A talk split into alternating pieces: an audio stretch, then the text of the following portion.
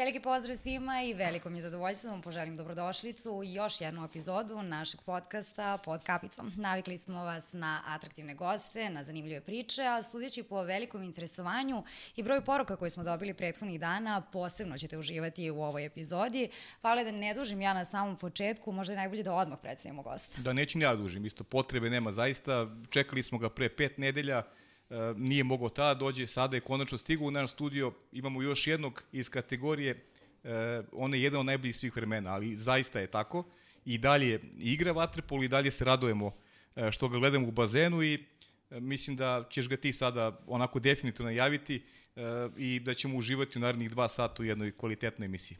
Svakako nam je učinio veliko zadovoljstvo jer je stigao iz Mađarske pravo u naš studio na kraju univerzuma, u pitanju vaterpolista koji je osvojio sve kada je u pitanju individualne klubske re, reprezentativne priznanja sa nama Filip Filipović. Zdravo Filipe. Zdravo, dobro dan. Na samom početku evo da ti pitam kako se osjećaš kod nas u studiju. Pa ovako, posle ovakve najave, pogotovo ovog atraktivan, ne znam da li to zbog fizičkog izgleda ili, ili zbog sportskih uspeha, ovaj, jako lepo, iskreno jako lepo se osjećam pre svega uh, doći, uh, da kažem, to što sam došao u, u Beograd i što sam pravo ovaj, svratio ovde, da pričamo malo o nekim lepšim i, i mnogo zanimljivim temama. E, Piću da ti se zahvalim i ja i u moje ime što si stigao. Nećemo baš da pričamo na početku o, o, o lepim ovaj, temama. Od, moramo se dotaknemo one koja je, da kažem, kad je pitanje u domaći vatripolo, onako u žiži interesovanja, to je situacija u Partizanu. Da. I pa ajde da mi da, da ovako ispričaš prvo za početak e, da probaš da objasniš kako se uopšte dogodilo da Partizan zapadne u ovakvu situaciju, da je, da je, e, bliži, da je bliži gašenju nego, nego nekim, nekim normalnim, da kažem, aktivnostima. Ja ovako, uplašio si me na početku, rekao da ne pričamo slučajno o virusu. ne, Za to ne, apsolutno nisam kompetentan. Ne, ne, ne pričamo o tome. Ovaj, ali što se tiče Partizana, uh, pa pravo pitanje kako je došao do, do, do cele ove situacije, mislim da je sigurno pravo pitanje, ali za, ovaj, za neke druge ljude, ne za mene.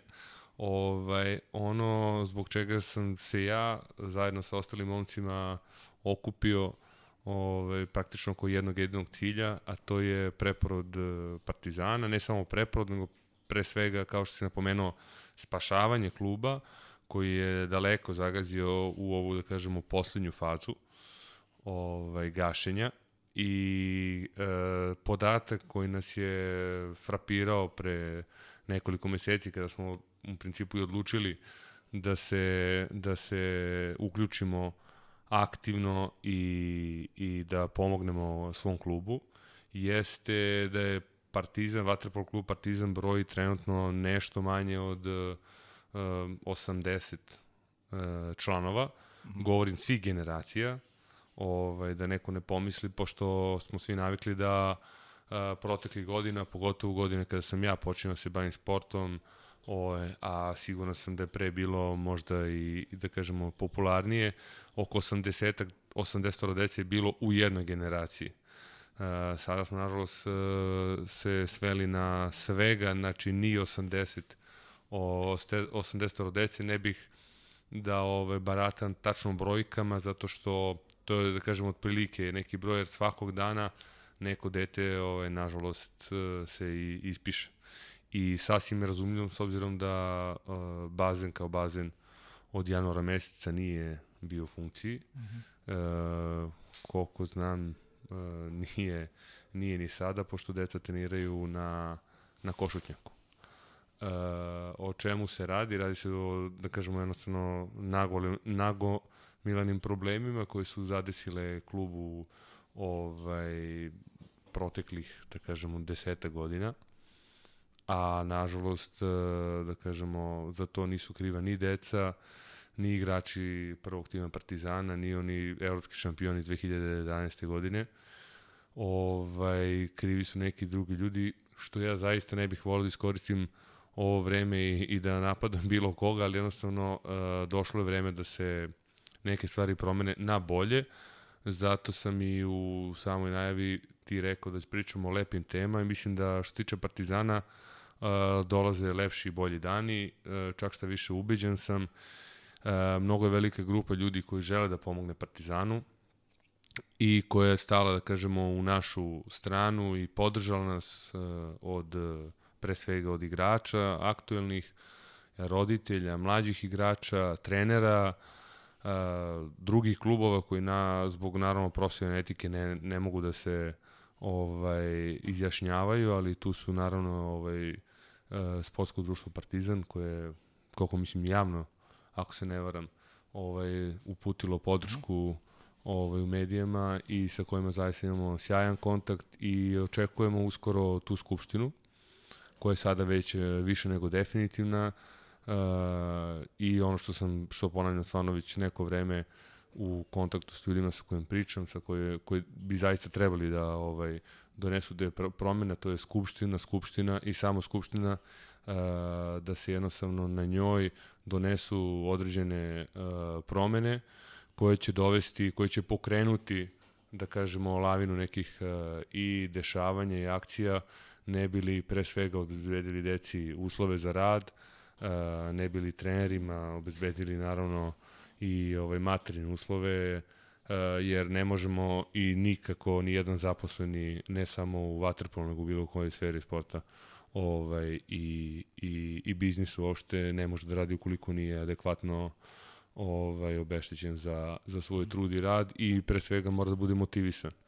Uh, svemu tome da kažemo prethodi dosta dosta ovaj poteškoća i i saplitanja uh, da ne upotrebim drugačije reči, ali eto, imamo poteškoća u održavanju iste, e, ne mogu da kažem da nam je ova situacija sa, sa ovim što se dešava u svetu, pa i kod nas, da nam ide u ruku, ali jednostavno moramo shvatimo koliko je, to jest mi smo davno shvatili, ali ljudi koji trenutno ovaj, i dalje imaju neku ovaj, funkciju, mora shvatiti koliko je bitno uh, da se upravo sada i što hitnije des, e, desi ta skupština kako bi klub krenuo dalje.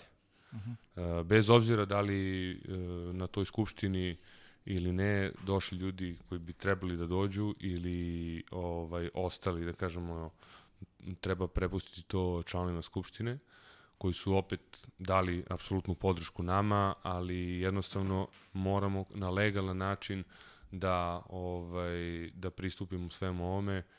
Ja mislim da je kažem skupština ono što sam ponavljao jedini trenutno uh, mogući scenario ovaj za neki oporavak kluba. E sad, baš sam htjela da te pitam, s obzirom da se tvoje ime nekako najviše apostrofira kao nekog inicijatora pomoći Partizana, spomenuo si upravo tu skupštinu, čeka se zakazivanje, a vidimo da je aktualna garnitura imenovala Igora Milanovića za novog trenera, a još uvek se ništa ne radi po ovom pitanju. Pa znate kako, uh, s obzirom da, uh, ajde ovako, Skupština je praktično već zakazana.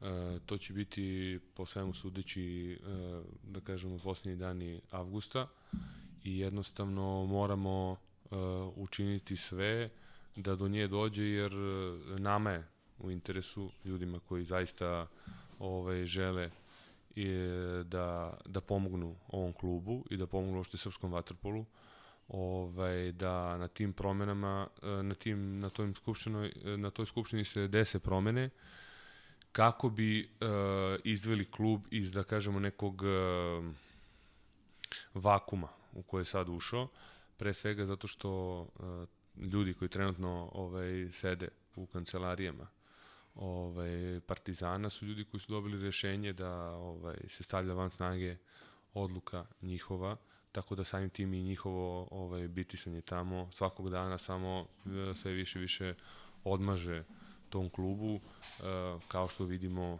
nemaju, niti vjerojatno možda e, i znaju gde su im deca, gde su im treneri, kako treniraju i tako dalje. Što se tiče dovođenja Igora Milanovića, mislim da Igor Milanović zaista jedan dobar, e, vrsan trener. E, rezultati naravno stoji iza njega, ali shodno ovom, da kažemo, e, pređešno što sam rekao, jednostavno samo njegov dovođenje, mislim da ovaj, postoje tu neki malo pravni problemi, ali dobro, nije na tome, nije na meni da, da, da o tome razgovaram. Kažem, Uh, Igor je izvrstan trener sa kojima zaista smo do sada imali samo ovaj, i ja lično, ali i ostali momci su imali zaista sjajne uspomene, pre svega sportske i mislim da zaista uh, Igor može da pomogne ovaj Partizanu, ali trenutno ne, ne u ovakvim, da kažemo, Okolnostima. ovaj, okolnostima. Znaš kako, vi će malo te više eksploatišemo ovaj, vezano za priču o Partizanu, jer si ti negdje simbol Partizana i negdje i postoji identifikacija e, navijača sa tobom, pa ajde još, još malo samo, samo oko te teme, e, a ukoliko dobijete priliku da, da odlučujete u ime Partizana, e, manje više vi ste svi igrači koji dalje imaju svoje karijere. Kako mislite da pomognete Partizanu da, da, da, da stane na, na svoje noge u nekom narodnom periodu, ukoliko, kažemo, uopšte dobijete šansu da, da to uradite? Jasno. Pa kao što sam napomenuo, postoji, da kažemo, jedan veliki krug ljudi ovaj, oko nas, a, koji će naravno ovaj, sutra preuzeti ulogu a, nekoga ko bi a, operativno vodio. A, mi smo ljudi koji smo, da kažemo, se okupili i javno izašli, da kažemo, ovaj, a, pred vas i ukazali na probleme. Samim tim nismo izašli tako što smo ovaj, se skupili uh, da kažemo pročeskali šta nije u redu, sagledali situaciju, već smo iza sebe pripremili dosta stvari, dosta ovaj, rešenja koje će, pre svega kadrovskih rešenja, koji će ovaj, eh, voditi, da kažemo, ovu priču kada budemo dobili šansu, a sada je to već e, više nego izvesno. E, napomenuo bih samo da, da kažemo, eto, ovaj, možda i neku ekskluzivu što se tiče ovaj, uh -huh. same, to je gospodin Raša Mitrović koji će ovaj, biti na čelu čovek koji je bio, da kažem, u naj, e, pa kažemo, najslavnijim danima Partizana, kada se zaista ovaj, svarao onaj veliki partizan i ona velika škola, uh, prepoznatljiva i dan danas, iako smo svesni da poslednjih 10-15 godina koliki je, da kažemo, pad u samom kvalitetu ove, Partizanove vaterpolo škole, ali eto, on će biti sigurno na čelu cele te priče, uh, neko ko ima iskustva, neko ko od prvog dana kada se, kažemo, snivao taj Partizan, koji zna uh, sve ljude, koji poznaje prave, da kažemo, ovaj, zaljubljenike ne samo u Partizan, već u, u sport i naravno ovaj, čovek koji se poslovno ostvario.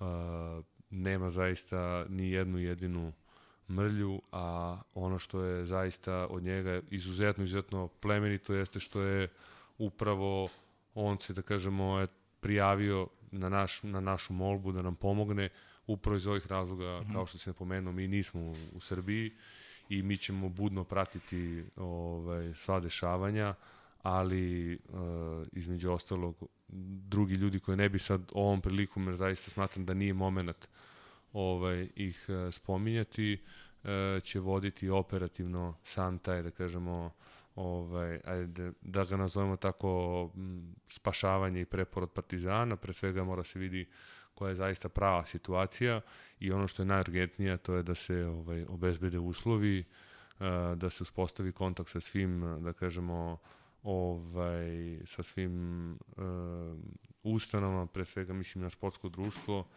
ovaj sa kojim eto već poslednje vreme vaterpolo klub Partizan i nije ovaj u u ovaj u najboljim odnosima ali mm, mislim da će se sve sve to promeniti jako jako ovaj, brzo.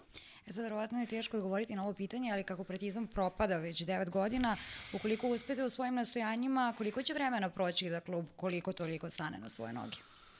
Pa s obzirom da smo mi uh, još uvek samo ljudi, nismo ovaj, čarobnjaci i neke stvari, baš o, uh, apropo, da kažemo, tog pitanja, nismo u mogućnosti da promenimo preko noći, niti su one zaista ovaj, moguće. Uh, smatram da će da je potrebno nekoliko godina da uh, Waterpolo klub Partizan pre svega ovaj, ustanovi uh, rad u mlađim kategorijama, da se stvori uh, stabilni, ali sigurni uslovi za, za rad uh, dece i da se naravno oformi jedan prvi tim koji će biti konkurentan, uh, konačno konkurentan i u domaćim takmičenjima, ovaj, što je bio zaista na ne znam koji, ovaj, mislim, znam, apsolutno i zahvaljujem se ovim putem i Stefanu Ćiriću koji je dao i više nego ovaj, moguće da, da, da taj partizan recimo onim uslovima, ne uslovima osvaja i uprko svemu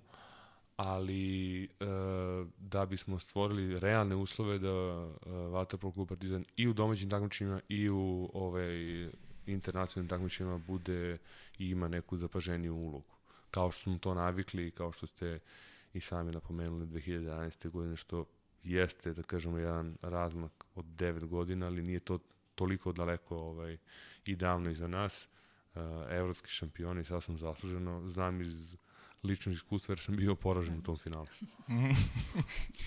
ovaj, pričat ćemo o nekim vedrinim temama, nadam se nekom drugom priliku kad budeš bio ovde gost, kada je Partizan u pitanju. Marina je bila u pravu kad mi sugerisala neke stvari vezano za pripremu emisiju, hvala ti, znaš čemu pričam. E, a sada ajmo, da, idemo, opet na, idemo opet na Partizan, ali pričat ćemo o početku tvoje karijere. Dakle, Partizan je bio izbor, Vatrepolo je bio izbor, e, kako se dogodilo uopšte da, ti, da se nađeš u Vatrepolu? Ajde da, da krenemo od, od, od tvoje te neke rane karijere.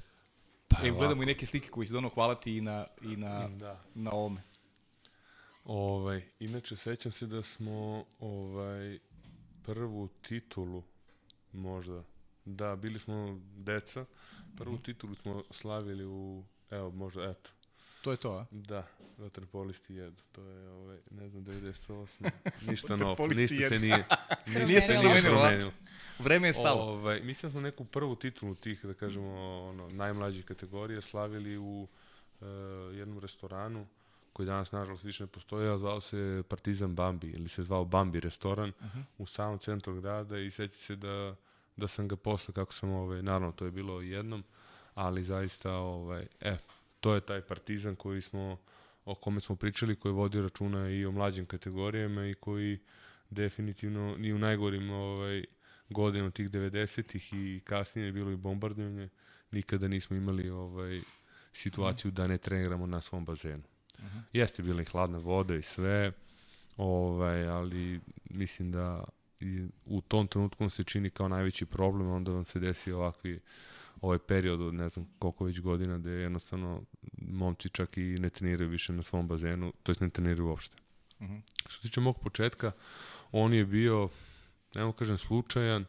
Ja sam dete iz kraja tamo sa Banjice i ovaj, nisam imao nešto mnogo izbora, Ovaj, ali iskreno je, uh, krenuli smo na futbol. Uh -huh. U, u rad? Ovaj, da, i sva sreća, mislim po futbolu naravno, sva sreća ovaj, da sezona još uvijek nije počela. I ovaj, otac je rekao, pa daj da, da odemo na bazen da vidimo da ti se sviđa to. Onda smo samo produžili ovaj, par koraka, došli do bazena. To, ovaj, mislim da su tada cenili, da, bio je Deki Savić, Petar Trbojević, Da ne izostavim nekoga, oni su mi pa bili onako, taj. Dača je bio isto. Ove, Možda Pele Zimović, nije? nije ne, ne, never. Ali njih trojica su mi onako baš upečatljivi bili. I pa kao ajde da krenemo. Pa ajde da probamo, što da ne. Počeli smo, meni je to prvih mesec dana bilo toliko naporno da sam ja hteo da, da odustanem. Međutim, zahvaljujući ovaj, ocu koji je, da kažemo, istrajao u, u celoj toj priči i rekao mi pa nema veze, probaj ti još mesec dana, pa ako ti se ne svidi, nema veze, prećemo na neki drugi sport i tako dalje. Ja sam vjerojatno posle tih mesec dana i zaboravio ili sam se navikao jednostavno na taj napor. Ove, ovaj, to je sigurno bilo neko finansijsko opterećenje mojima, zato što sam dolazio mrtav gladan uveče. Ovaj, do tada sam bio ono, normalan dečko. Ali ove, ovaj, sve se to promenilo posle par meseci vaterpolo me, što bi se reklo, uzeo po svoje i za ovo ostalo sve već, da kažem, manje više poznato.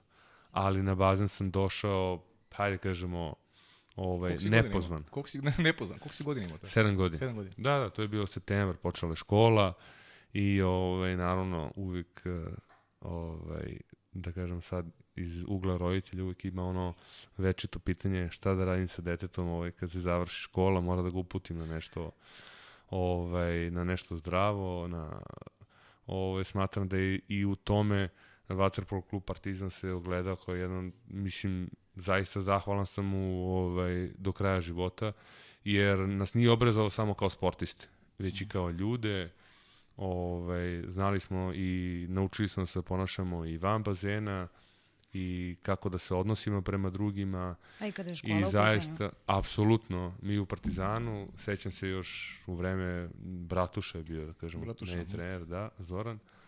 Danas smo donosili knjižice, ne samo kod Bratuša, nego kod svih, ali Bratuša to insistirao da nismo mogli da budemo loši đaci, čak što više mislim da je bila neka lestvica postavljena, da smo mogli da budemo vrlo dobri i odlični da bismo mogli da, da ovaj, i bezmalo puta se dešavalo da su neki, da su neka deca bila uskraćena da treniraju, što je zaista u tom periodu nama bila najveća kazna, da vam neko ne da da trenirate.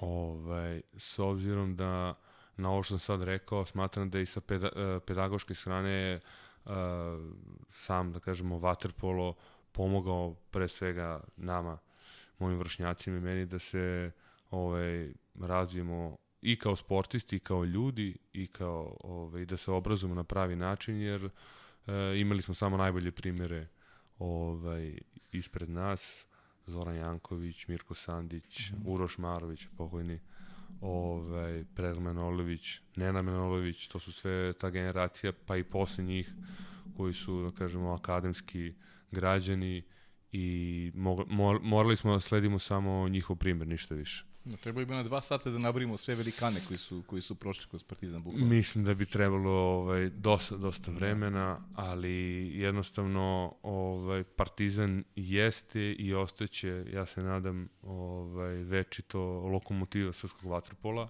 i sinonim za, za srpski u ono vreme jugoslovenski vaterpolo, ovaj, sad smo malo manji, ali ovaj, imamo da se pohvalimo zaista čime.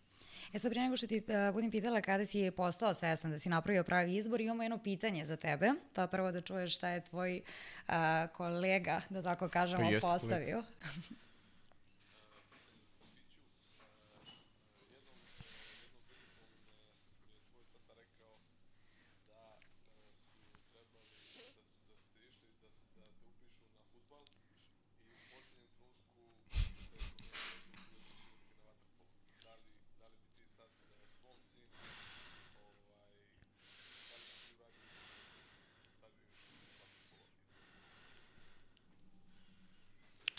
Pa je ovako, mislim da, ajde, je, prvi deo pitanja smo već odgovorili. Jeste, da, da. Ali se nadovezuje, ovaj, nadovezuje ali se se Mandira nadovezuje. Pa, uh, Vuka bi stavio svuda, samo nevjerojatno ovaj, ne u futbol.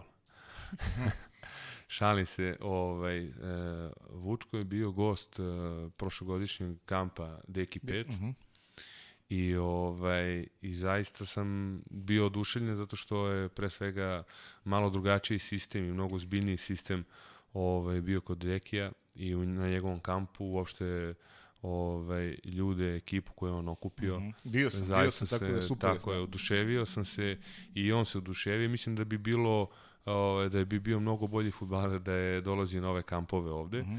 On je, naime, bili smo u Italiji pre, da kažemo, dve godine počeo malo da odlazi na, na futbal i ovaj, pre svega disciplina koju drže tamo njihovi treneri i sama, da kažemo, metodologija rada i sve, eh, ja sam se hvatao za stomak. Znači, ja nisam mogu da, da gledam to, nisam mogu da gledam da, da roditelji ulaze na trening, Ja stojim sa strane, da što to su bili krat, ka, mislim, kratkotrajni su bili treninzi, ove, svega 45 minuta, ali on je gledao nešto bleno sa strane. Znači, ja sam rekao, ti ne bit ćeš sve samo ne futbaler. ovaj, Deki me malo, ovaj, kako se zove, zbunio, ali definitivno mislim da ga ne samo futbal, nego da ga sport kao sport ne zanima. Ono što ga zanima trenutno to je, da kažemo, ovaj, neko crtanje, gradnja, neka, voli da stvara, tako je rekao. Tako da, ovaj, mi ćemo mu pružiti, pružiti suprugu, ja ću mu pružiti šansu da stvara. Ako bude želeo da stvara nešto ovaj, u sportu, ovaj, mislim da će mu biti mnogo teži put, ali ovaj, neka. Pa napravit ćemo uh, sve moguće uslove da, da uspe. Da. Na njemu je da odluči čime će da se bavi, ali mislim da Vučko što se tiče futbala je na, na vi. Da. Znači, krenuo je tatinim stopama, Stopama. znači ništa futbol. pričat ćemo, pričat ćemo tek o porodici i o Vuku, zato što je osnov svakog uspeha. Svakako može bude i odbojkaš, vidjet ćemo Da, vremenom. tako je. Ali ajde da se vratimo na tvoje početke. Kada si bio svestan da si napravio pravi izbor ili kada su ljudi u klubu shvatili da u svojim redovima još jedan biser? Pa jedan od ljudi sigurno koji je, e, sa kojim sam imao, da kažemo, najprisniji odnos na, na početku, ovaj, da kažemo, te profi karijere, je Dejan Udovičić. Ovaj, ne u smislu, nego je, mislim, čovjek koji je najviše vjerojatno i rizikovao i svoje karijere u tom trenutku, ovaj, da bi da bi na kraju se ispostavilo da ono pravu odluku. E, počinju sam ja u Partizanu, igrao sam uvijek za, za tri generacije, uh, leta nisam imao, svi pri, povezuju da leto nemamo, praktično kad smo ušli u reprezentaciju, ali seniorsku, ali m, s obzirom da ovaj, sam igrao za tri generacije, onda se nekoliko puta dešavalo da u toku leta za tri generacije odigramo ovaj, što evropskih, što svetskih, što nekih državnih takmičenja i onda jednostavno nisam imao leto. Uh, shvatio sam se da ono pravu odluku pa ja mislim kad smo počeli da ovaj da da pobeđujemo i onda kad sam shvatio da razmišljam zaista više o vaterpolu nego o drugim stvarima u velikom u velikoj većini ovaj vremena slobodnog koje nisam toliko imao, ali sam opet razmišljao samo o, o lopti i o bazenu. Uh, mislim da je Dejan definitivno ovaj osoba koja je najviše da kažemo ili u tom jednom nekom delu m, prepoznali su i drugi. Ne ne bi želeo da njihovim neimenovanjem izostavim nekoga ovaj i u mlađim kategorijama. Mislim ne bi ni igrao na kraju krajeva za ovaj za četiri godina starije da da nije tako. Ali e, Deki me poveo u Hagen mislim to bilo 2000. godina ili 2001. godina. Pre će biti 2001. godina, ja sam imao svega nepunih 14 godina i, i jednostavno bio sam u tim godinama, u toj generaciji mnogo sam odskakao jer sam bio stvarno dete. Na kraju, mislim, ono, stavili su me sa doktorom u sobu. sa cepom. Sa cepom, a? Da, eto, cepa, ti znaš ovaj, ko je cepa. Sa cepom su me stavili da bi imao neko ko će me paziti. Ja sam i dalje bio u osnovnoj školi. Dobro, Cepa je dobar Ovaj, pedagog, tako da. e, u sjajan, dobrim si rukama, sjajan, Cepa je. Samo Cepa treba je odličan slušati, tip, samo treba jest. slušati i raditi suprotno. I radi da. Ove, šalim se, ne, sa Cepom je bilo sjajno, naravno posle smo izgradili i privatno mnogo, ovaj, da kažemo, čvršći odnos i tako da, eto, kažemo, ovaj, e, to je bio neki početak, e, Dejana su svi smatrali ludim što je mene poveo, recimo, na to evropsko takmičenje, pogotovo što sam ja bio dete, ali na kraju se ispostavilo ovaj, da je to u stvari zaista bio pravi početak moj u, u Waterpolu, govorim o nekoj ovaj, međunarodnoj sceni i dobro, sad sve ostalo već ono je manje više poznato. Mi smo posle toga krenuli sa tom generacijom, znači to 83. Ja sam 87. Mm, Mislim, smo osvojili smo i evropsko i svetsko i dobro, posle toga ovaj, dolazila naša generacija, to je malo starija, Duška Pjetlovića, mm. -hmm. Rađena, 85. Tu smo isto bili neprikosnoveni, apsolutno.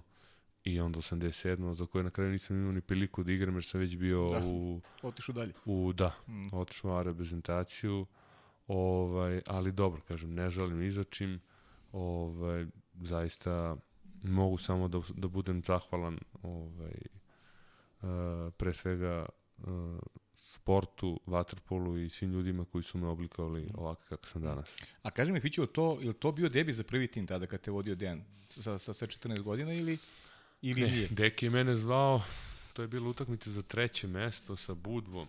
Mhm. Ja ne znam iskreno sad da me pitate da li njima falio neki igrač. da su me zvali. da. Ali sve je već bilo, mislim, rešeno i mene zove Dejan da je debitujem za, za prvi tim. Koliko se godina imao tada, izvini? Pa nepunih, e, da, 13 godina, 13 i po godina, mislim, tako nešto. 13 i po godina za prvi tim. Da, da, da, da. Ovaj, ja se sećam, to je bilo možda, možda najtežih četiri minuta ovaj, u, u, u čitavoj karijeri. Ja, sećam sve je bilo sjajno, dok nisam dobio priliku u toj nekoj trećoj četvrtini ubacio me Dejan na banjici. Uh -huh. ovaj, ja uskrčem u vodu i ja vidim da to ne ide. ja ne mogu da doplijem do pola bazena. Igraš to odraslim ljudima. Treba, tako je. A igram, da, tu su bili Nikčević, eh, Vasa Subotić, to su ljudi koji su već malte ne završavali Oni su tad igrali u Budvi ili... Oni su sad igrali, Igrali u Budvi, da. da, da, da. Ovaj, I onda sam, ono, definitivno sam bio malo preplašen. Ovaj, sledeće godine je bila već mnogo bolja, ali tad su me već pod svoje uzeli, sam ono, bio redovan i sve. Nisi Ovaj, dao gol tada protiv Budve, nisi? Ne, ba kako je, mislim, nisi smani da šutneš. Ja mislim da nisam pogledao, nisam ni znao na koju stranu je gol. Ali dobro, stvarno tih četiri minuta ću pamtiti zato što se sećam kao da sam igrao u blatu, a ne u bazenu. Znači za mene svaki potez, svaki, svaki zavesla je bio težak kao ovaj, nikada do tada. I onda su me po svoje uzeli malo Vanja, Boba i ekipa u sledeće godine i tako. Boba Nikić. Bob Nikić, da, da. Ovaj, tu smo iz kraja, pa onda Da, smo Banjica, često, da. da, provodili vreme zajedno i tako. E sad u tom nekom periodu, da li si imao uzore nekog idola na koga si se ugledao dok si krčio put ka zvezdama? Pa, znate kako, meni su u to vreme, uh, meni su tad, pogotovo po ulasku u prvi tim, mene su povezivali za Velju Skokovića. A, da, leva meni ruka. je to naravno imponovalo, ovaj, ali sam posle shvatio da su mene oni povezivali s njim ne zbog e, igre, nego zbog kilaže. je li tako? Jer ja sam ušao u prvi tim Partizana, imao sam bezmalo 112, 113 kg, tako nešto. Baš sam bio bombica. I onda sam, ovaj, ja sam mislio da smo levoroke, u stvari, Vidiš, ja sam rekao leva ruka odmah. Šalim se. Pa ne, pa ima tu ta anegdota, kad smo bili, došli smo u Split uh, 2002. godine i ovaj, idemo da igramo sa onim moćnim prorekom. I sad preko puta su bili ovaj, Sandro Kalkatera, Vlada, Vujas, mislim da je i Danilo tada bio, jeste. Idemo da igramo sa njima i ka, to mi naravno posle prepričava Vlade, kaže, smeje se Kalkatera, kaže, pa dobro je, kao, šta je bilo? Pa kaže, pa vidi, ja nisam najdeblje, nego ne mali, tamo vidi ga. Tako da, ovaj, to su ti počeci, ovaj, dobro, sve je to posle došlo na svoje, ozbiljno je počelo da se radi, da se trenira, da se igra i onda ovaj, Nestali su i kilogrami, istopili se. istopili se. Istopili. Velji su ostali, Velja do kraja karijere ima taj Pa, to je bio Veljin stil. ve, velji stil, da. To je, ovaj, nije bio toliko moj stil koliko su bila posledica nekog i da kažemo, ovaj, ne, mislim nisam se hranio kako treba i ovaj, moji su se, u to vreme su se razveli, pa onda to je bio neki, etko, isto neka vrsta bunta i tako, ovaj, nisam kontrolisao sam sebe, ajde tako Da. da kažem. Ali dobro, posle toga, kažem, ovaj, dolazi sve na svoje i pa, ubrzo posle toga ide i onaj debi u Kranju, gde ovaj, tek tad E. nisam znao. Pričat ćemo, pričat ćemo i o tom. Pričat ćemo, so, e, znaš što me zanima da, da nekako sebe, kako ti sebe definišeš e, kao igrača? Drugi si strelac u istoriji reprezentacije, a poznato je da negde srpski vaterpolo energiju i kvalitet crpi iz fenomenalno, op, fenomenalno oprene po kojoj ste prepoznatljivi, ali ti jesi jedan najboljih svih vremena što što si na oba kraja bazena uvek bio jako dobar i uvek si davao sve od sebe, tako da ajde malo da, da, da pojasniš kako ti, kako ti sebe definišeš pre svega. Svi te doživljavaju kao strelca, znaš. Fića, od Fiće se očekuje da Fića leva ruka pljune da da gol i to je to, a ono što se dešava pred e, našim golom, to ljudi malo onako za, za, zapostavljaju kao temu. Ja moram da okočim ovaj moment i da ti pružim ruku, jer Dobro. stvarno Hvala. Hvala. mislim da posle toliko godina mnogi treneri ovaj, treba da, da te saslušaju malo i da ti pozavide.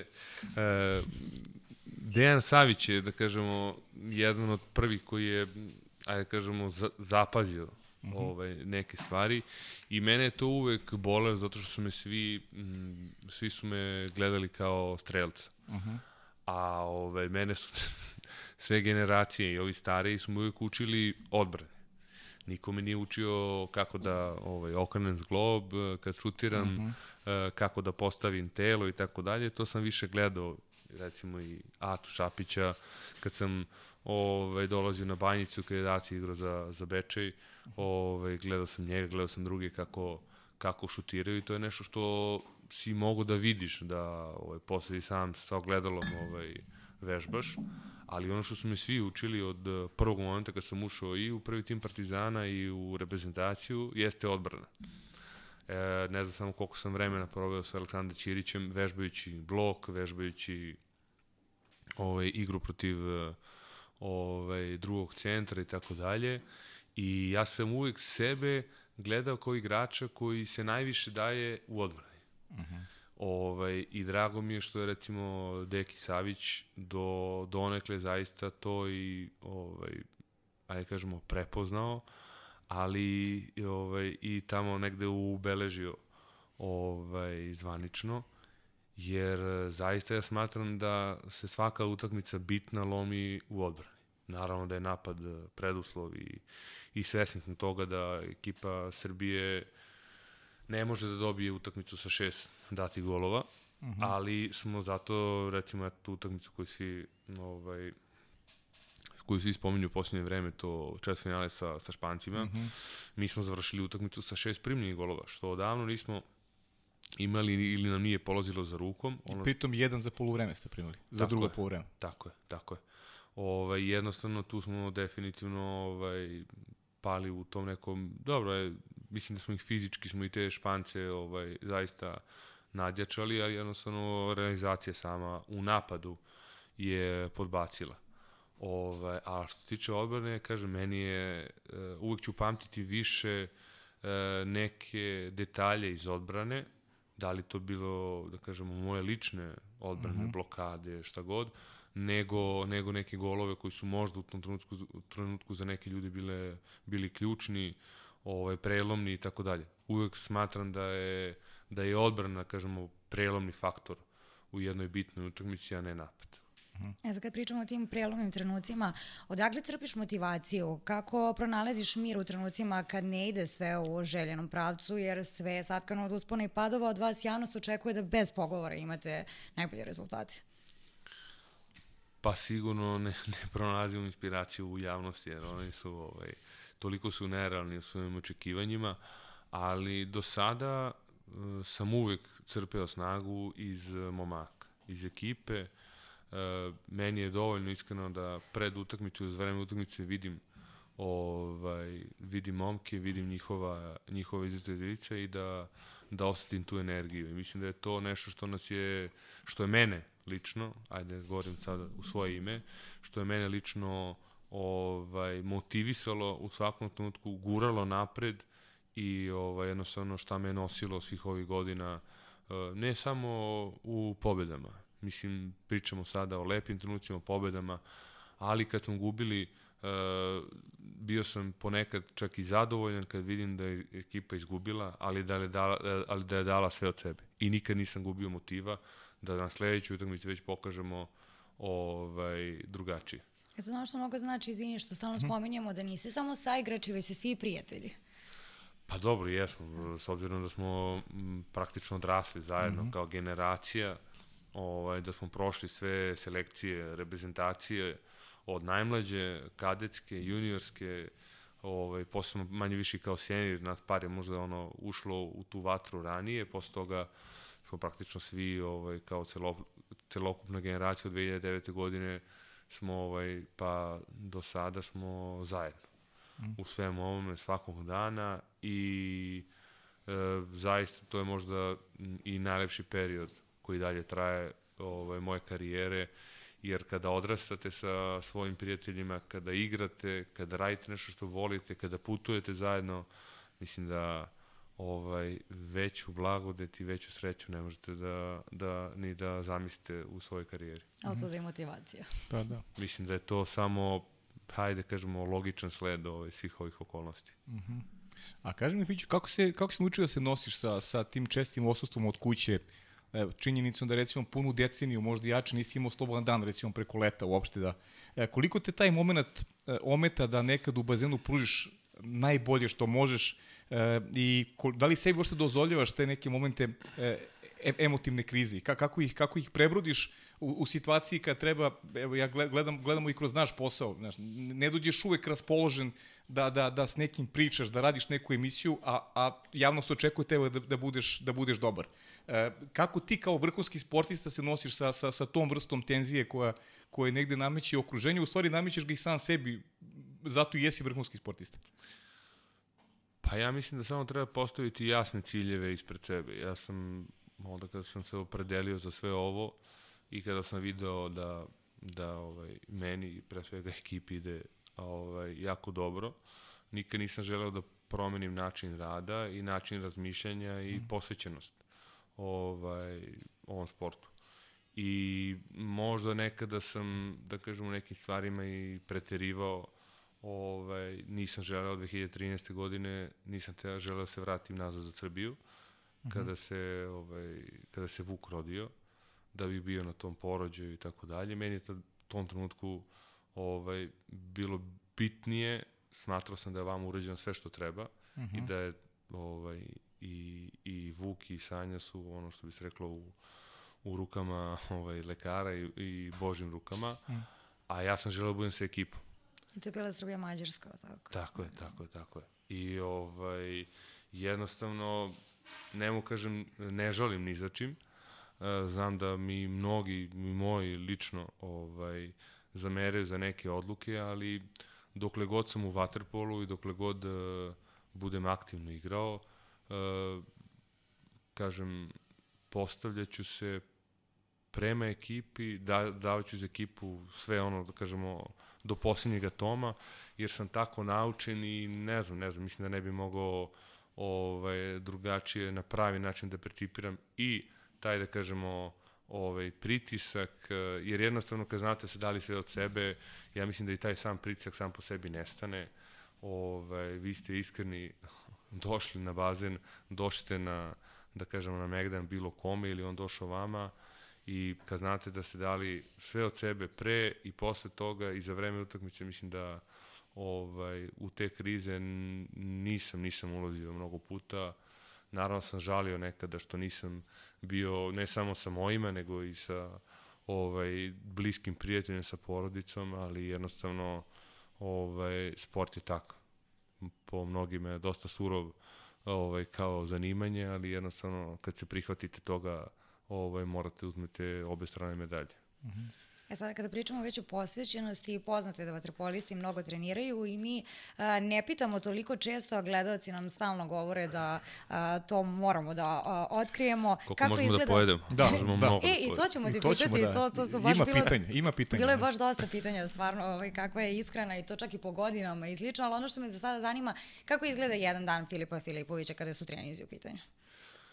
Pa ovako, u principu ništa se nije promenilo, nažalost, u shvatanjima naših trenera. Ovaj, smatram lično, iz ove perspektive, da u pripremnom periodu definitivno dva treninga su ovaj, uh, obavezna, ali nama je to, naravno, ovaj, nije nam bilo strano posljednjih 20 godina ovaj, koliko treniramo i više, ovaj, da, da kako se zove treniramo dva puta dnevno, tako da ujutru je ustajanje, sad je već malo ranije ustajanje i zbog svega, da li sam sam ili sam sa porodicom, obavezno ovaj, gledam da ustanem minimum 2 sata ovaj, pre trening, makar on bio u 9 sati ujutru.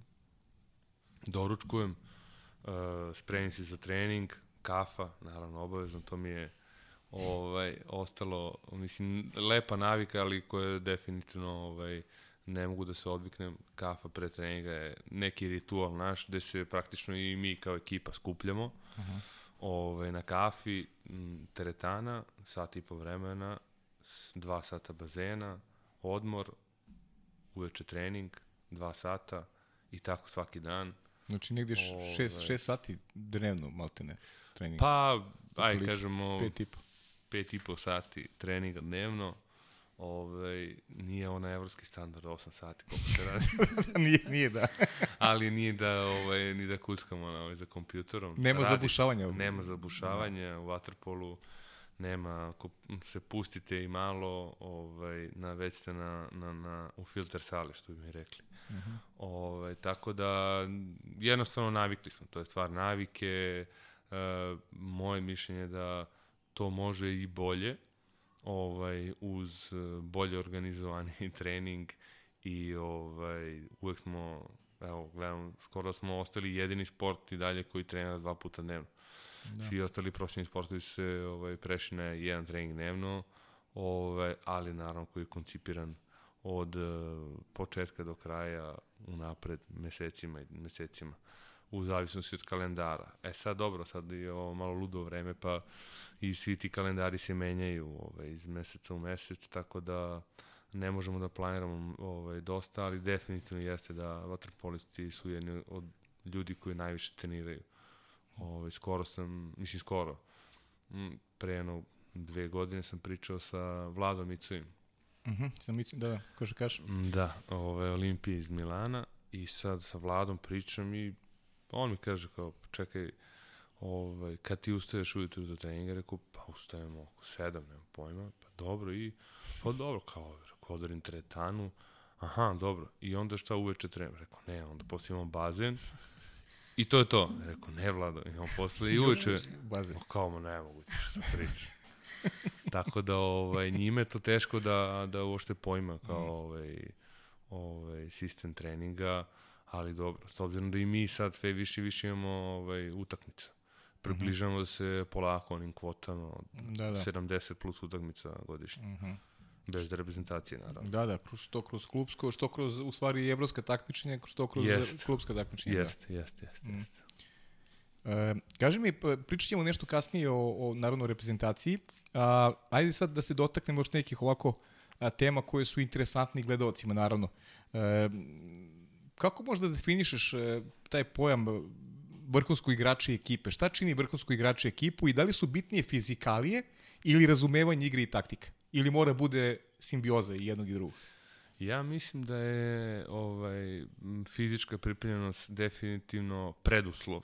Uh -huh. Ovaj može naravno ekipa koja zaista se ovaj koja se razume ovaj i koja deluje ovaj deluje kao, kao jedno telo u bazenu, može zaista dosta da dogura. Ovaj, uvek navodim primjer u poslednjih par godina e, bila je ta recimo ekipa sport managementa iz, e, iz Italije. Uh mhm. -huh. Jedan klub nadomak Milana koji su imali sjajnu generaciju, spoj da kažemo maka koji su odigrali zaista iznad svih očekivanja jer su se kapirali u bazenu, imali su sjajnog trenera koji ih je, da kažemo, našao sa, sa tom nekom igrom, ali ono što nisu imali, ovo što sam malo pre napomenuo, preduslov jeste ta fizika. Uh mhm. -huh. Ovo što si pričao, jer jednostavno nisu imali uh, fizičku pripremljenost i oni su bili sjajni recimo do nekog e, januara meseca, dok ih drži ovaj, malo euforija i taj elan, mladi su ovaj, kao ekipa bili tada, ali jednostavno posle toliko ubroja utakmica, ukoliko nemate neku bazu iza sebe, ovaj, jednostavno dolazi sve na naplatu i to u sportu je jako, jako vidljivo i znali smo svi da će oni da urade, da naprave sjajne rezultate, čak su uh mhm. -huh. nas nekad i ovaj, iznenadili sa, sa nekim, da kažemo, jednostavno iznenađenjima, dobijali su i evropske šampione i tako dalje, da bi onda posle toga jednostavno od januara meseca, februara krenuli da padaju ovaj, i igra ta više nije bila kao pre i tako dalje. Tako da ja mislim da je fizička pripremljenost e, sama ta snaga, ne samo u waterpolu, nego mislim da u svakom sportu mm -hmm. sada, ovaj, jer e, na sreću, na žalost, zavisi ovaj, ko kako i na koji način razmišlja, ovaj, fizička spremna je e, mnogo, mnogo, mnogo sada, da kažemo, bitna za, za rezultate. Mm -hmm. E, ja ću se tamo nadovezati sa pitanjem šta je poručio mladom vaterpolisti koji tek počinje svoju karijeru, šta bi voleo da si znao kad si bio mlađi? Pa... Ne znam šta, mislim, ima dosta toga što bih mogao da kažem, ali e, sad ovako e, smatram da, da o, dosta, da kažemo, današnjih, današnje omladine ove, pre svega e, imaju problem sa e, motivacijom. Ove, i ogleda se u tome zato što, evo to sam sad skoro video ove, od kako sam došao u Mađarsku, deca, deca ovaj, u Mađarskoj i dalje imaju taj određenu, kako da kažemo, vrstu ili deo fanatizma prema sportu, što sam i u Evropi, u Italiji, Španiji, u Srbiji ovde, pa čak i, da kažemo, ovaj, u, u, u drugim državama sam video da nema više e, tog fanatizma, te želje da, da naučite nešto. Ove, a pogotovo istrajnost o tome da ne pričamo. Deca bez malo puta se dešava da sad počinju da treniraju jedan sport, e, koliko god da ga vole, probaju, ali jednostavno ne istraju ili vide da nisu neki talenti ili tako dalje. Ovaj, ja moram da napomenem za sebe da ja verovatno možda nisam ni znao da imam neki talent prema vaterpolu, ali jednostavno sam ovaj, zahvaljujući prvo roditeljima svojim bio istrajan, posle toga je bilo još teže, bio sam još istrajniji, posle toga zaista dolaze su trenuci i u A reprezentaciji meni se plakalo i od bolova i od ovaj, umora i od svega i od iscrpljenosti, ali jednostavno ni u jednom, jednom trenutku nisam pomislio da odustanem. Uh mhm. -huh. I ja mislim da je to možda poruka za mlade, ne samo u sportu, nego jednostavno da ne odustaju od svojih ideja, od svojih, eh, kako se zove, ciljeva. Ako imaju zacrtane ciljeve. Zato i kažem, eh, kod mladih je danas teško ovaj, taj fokus. U krajnjem slučaju, u krajnjem slučaju svojih emocija, u krajnjem slučaju svojih emocija, to je, to je nešto što je i tvoja emocija. Apsolutno. Ovaj, ne znam, ne znam da li može se poveže ovaj, da li postoje neka analogija i sa ovim, da kažemo, novim tehnologijama i tako dalje, onda jednostavno njima je prividno da im je na dohvat ruke i nešto mm -hmm. drugo i nešto treće, a u stvari, kažem, ja mislim da treba uh, slediti svoje ciljeve, svoje, da kažemo, one neke zvezde vodilje i, i verovati u uspeh, jer mislim da ne samo ja, nego bilo ko u sportu nije uspeo da nije verovao. Čak i kada su, smo ovaj, najbitnije verovati kada, kada ne ide. Mm. Da, to, to je ona stara priča. Ljudima se današnje vreme nudi mnogo tih sporednih stvari koje suštinski nisu važne i čovjek lako zastrni, pobegne u suštine i hvata se nekih e, gluposti koje mu u trenutku deluju kao uh, nazovi interesantno. Apsolutno, za, zato sam i napomenuo reč fokus, mislim da je to gubljenje fokusa jako, jako je. Ovo je simptomatično za ove nove generacije. Slažem se. E, kažem ovako, mnogo reprezentacija ima podjednako zvučna imena kao, kao srpska. Ima mnogo dobrih igrača i, i u drugim reprezentacijama, ali je e, tim za koji ti igraš je jedan od najboljih u istoriji, kada će mnogi najbolji istoriji. Uvijek ste, uvijek ste za nijansu bolji u tim nekim rezultatskim klackalicama. Da li u pitanju uh, su kvalitet, uh, pristup igri, psihologija, odabir igrača, kako bi ti, kako bi ti to sve objedinio? Pa ja bih definitivno rekao da je psihologija koju smo opet izgradili uh, svih ovih godina je definitivno po mom mišljenju, prema mom mišljenju ovaj, bila odlučujuća za mnoge te, da kažemo, ovaj, situacije koje su bili koje su bile odlučujuće i koje su bile prelomne ovaj što na takmičenjima, što pred takmičenja, što mislim da je jednostavno i ta simbioza između ovaj među igračima jako jako bitna, a ne mogu da, da, da, da ne napomenem da jednostavno sve to vam ne vredi ništa ukoliko nema čoveka koji je ovaj ispred vas da vas poveže i da vas, uh mhm. -huh. kako se zove, jednostavno uklopi u, u jedno telo. Kao što sam napomenuo, mi smo od 2009. godine ovaj, da kažem, ova generacija imali sjajne rezultate, bili smo skoro neprikosnoveni, onda gde nismo ispunili pre svega svoje očekivanja, a to je ovaj, osvajanje svetskog prvenstva 2011. gde smo prema mišljenju pocenili malo Italijane, i ovaj, gde smo dobili sami sebe, a ovaj, nisu oni nas dobili. Mm -hmm. I ta utakmica što je za mene najveći poraz zato što smo izgubili istu utakmicu, ako ne istu, onda jako sličnu godinu dana kasnije u Londonu. Mm -hmm. Kada smo imali zaista strašan tim i bili smo pripremljeni zaista sjajno. I onda posle toga dolazi uh, Dejan Savić, koji praktično istu ekipu, Znači, nije se odrekao ni jednog jedinog igrača, ako se ja sećam dobro. Soro je samo otišao. Uh mhm. -huh. ovaj, praktično isto tu ekipu ovaj, sastavlja i mi smo sedmi. I mi, po, a u stvari, e, osjećamo se kao da smo najbolji. Da. A završili smo sedmi u Barceloni. Barcelona, da. Prvo deki I I... tako je. I nikad se lepše nismo proveli. ne, ali istina, ovaj, da bi posle godinu dana ovaj, nakon toga ovaj, krenuli da pobeđujemo, mislim da pobeđujemo, nastavili da pobeđujemo, možda je pravi termin, Da. nastavili da pobeđujemo i u onim odlučnim trenucima smo uvek prelamali u našu korist. Uh -huh. I posle toga dolazi stvarno period 14. 15. 16.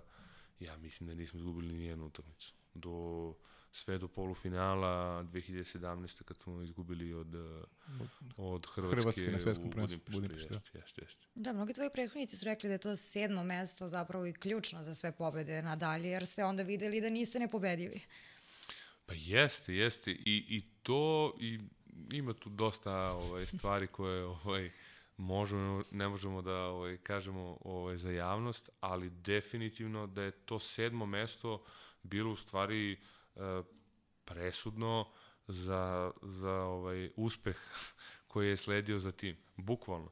Jesmo, znali smo da bukvalno vas jedna utakmica deli od, da kažemo, mm -hmm. ponora ovaj, do, da kažemo, ovaj, šampionskog odličja i to je to četvrt finale. E, mi smo i tu protiv Crne Gore, znam da smo spremili lepu utakmicu i sve, jednostavno ovaj, sa nekih par naših gluposti smo dozvolili da, ovaj, da uopšte dođemo u priču da se sa Crnogorom ovaj, mi borimo za, za prolazak u polufinale.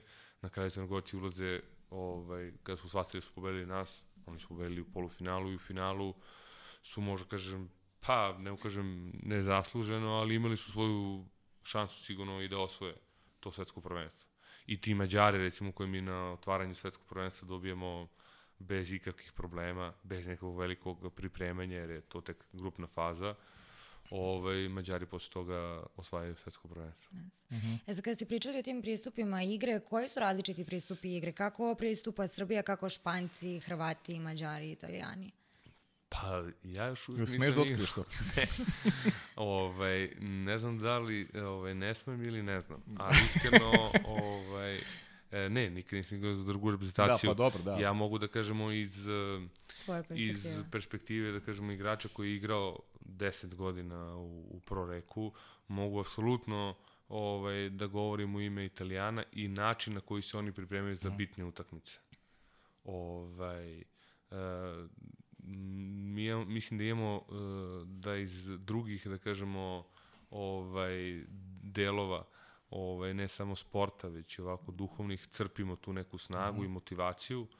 Ovaj, oni su ov, jednostavno, mislim da se mi mnogo više dajemo. Za nas je to uh, utakmica života, biti ili ne biti. Uh, da li, I fizički i emotivno. I emotivno sve. Jednostavno, oni su, što se tiče te strane, sportisti jednostavno prihvatit će, već unapred prihvataju mogući poraz. Uh -huh. Za nas poraz, verovatno, mislim, znači da se i ne vraćamo uopšte kući. Verovatno uh -huh. da ostajemo možda kao ove, isiljenici u toj zemlji. Ovaj, ali jednostavno za nas je to mnogo veća ovaj shvatamo kao tragediju misliš poraz. Bukvalno. Uh -huh. I e, dobro, vremenom to sve bude, da kažemo, sve lakše pada poraz, drugačije ga gledate. Ja sam par puta rekao da ti, da kažemo, neki sitni porazi su bitni ovaj, za ekipu nego neke ovaj, pobede koje možda i nisu do kraja zaslužene. Ali evo, recimo, iz ugla Italijana, oni će prihvatiti poraz pre utakmice. Znači, uvek će sebi već naći alibi ako izgube, bože moj, izgubili smo od ekipe Srbije ili tako dalje. Dok uh, kod nas to nije ovaj slučaj. Uh, Hrvati imaju jako lep, uh, mislim, dobru ekipu, dobru hemiju, imaju pobednički mentalitet, ali ovaj, videli smo i kod njih da to je sve ovaj, privrednog karaktera, da to može jako ovaj, brzo i lako se promene, međutim, ovaj, njih nešto, ovaj, koliko ja vidim, jednostavno i javnost i sve ne osuđuju ih, oni su zahvalni njima što su oni 2012. osvojili olimpijske igre, što su 2017 pet godina nakon toga osvojili neko, kažemo, neko, ovaj, Svetsku titulu. e, neku titulu, da, Da. na evropskoj i svetskoj sceni. Tako da ne zanosi se, da kažemo, da, da je njima suđeno da, da budu ove vladari Mhm. ovog sporta.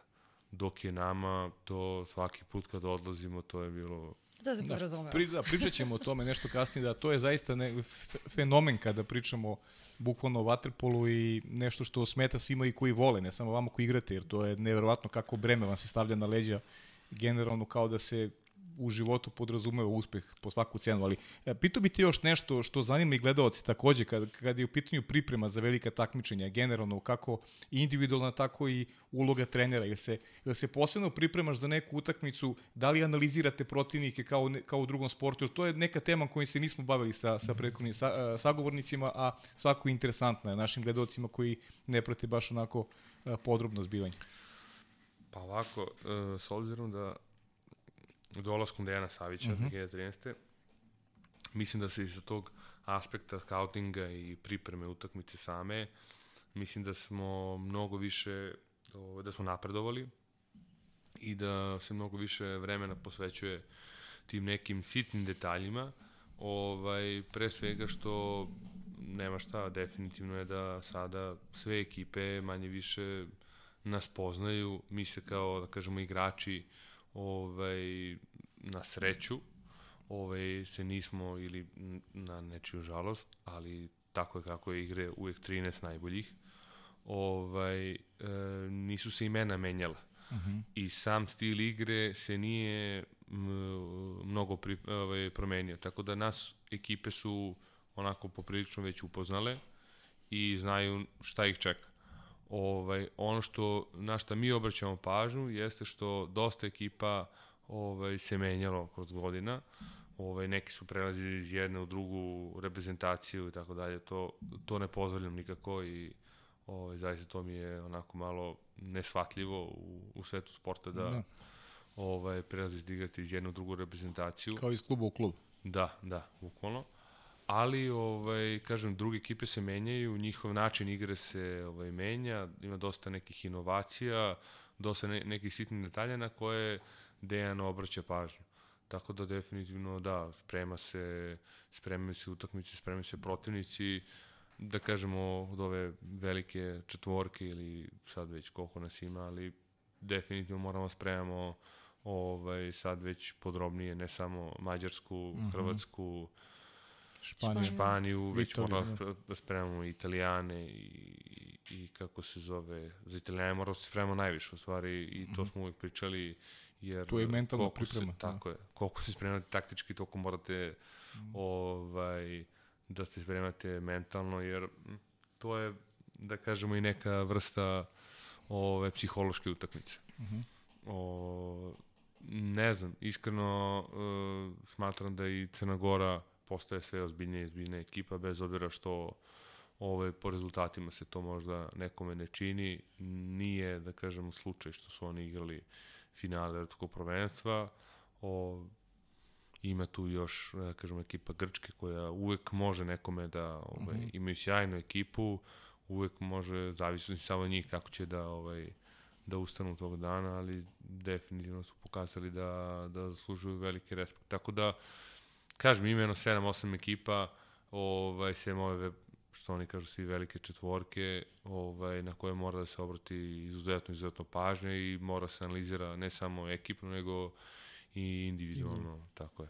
E sad kad pričamo o tim velikim takmičenjima, naše gledalce uvek zanima da li neka anegdota, znam da je teško setiti se, ali probaj. Daj se od sebe. Da, pa, mislim, anegdota ima, ima zaista ovaj, bezbroj. Manda vam je pričao za, za krompir. Jeste, jeste, da. Čekam Bobana Nikića, dogovorili smo se ovo kad, kad, kad dođe, pa ćemo da nastavimo priču o krompiru. Da.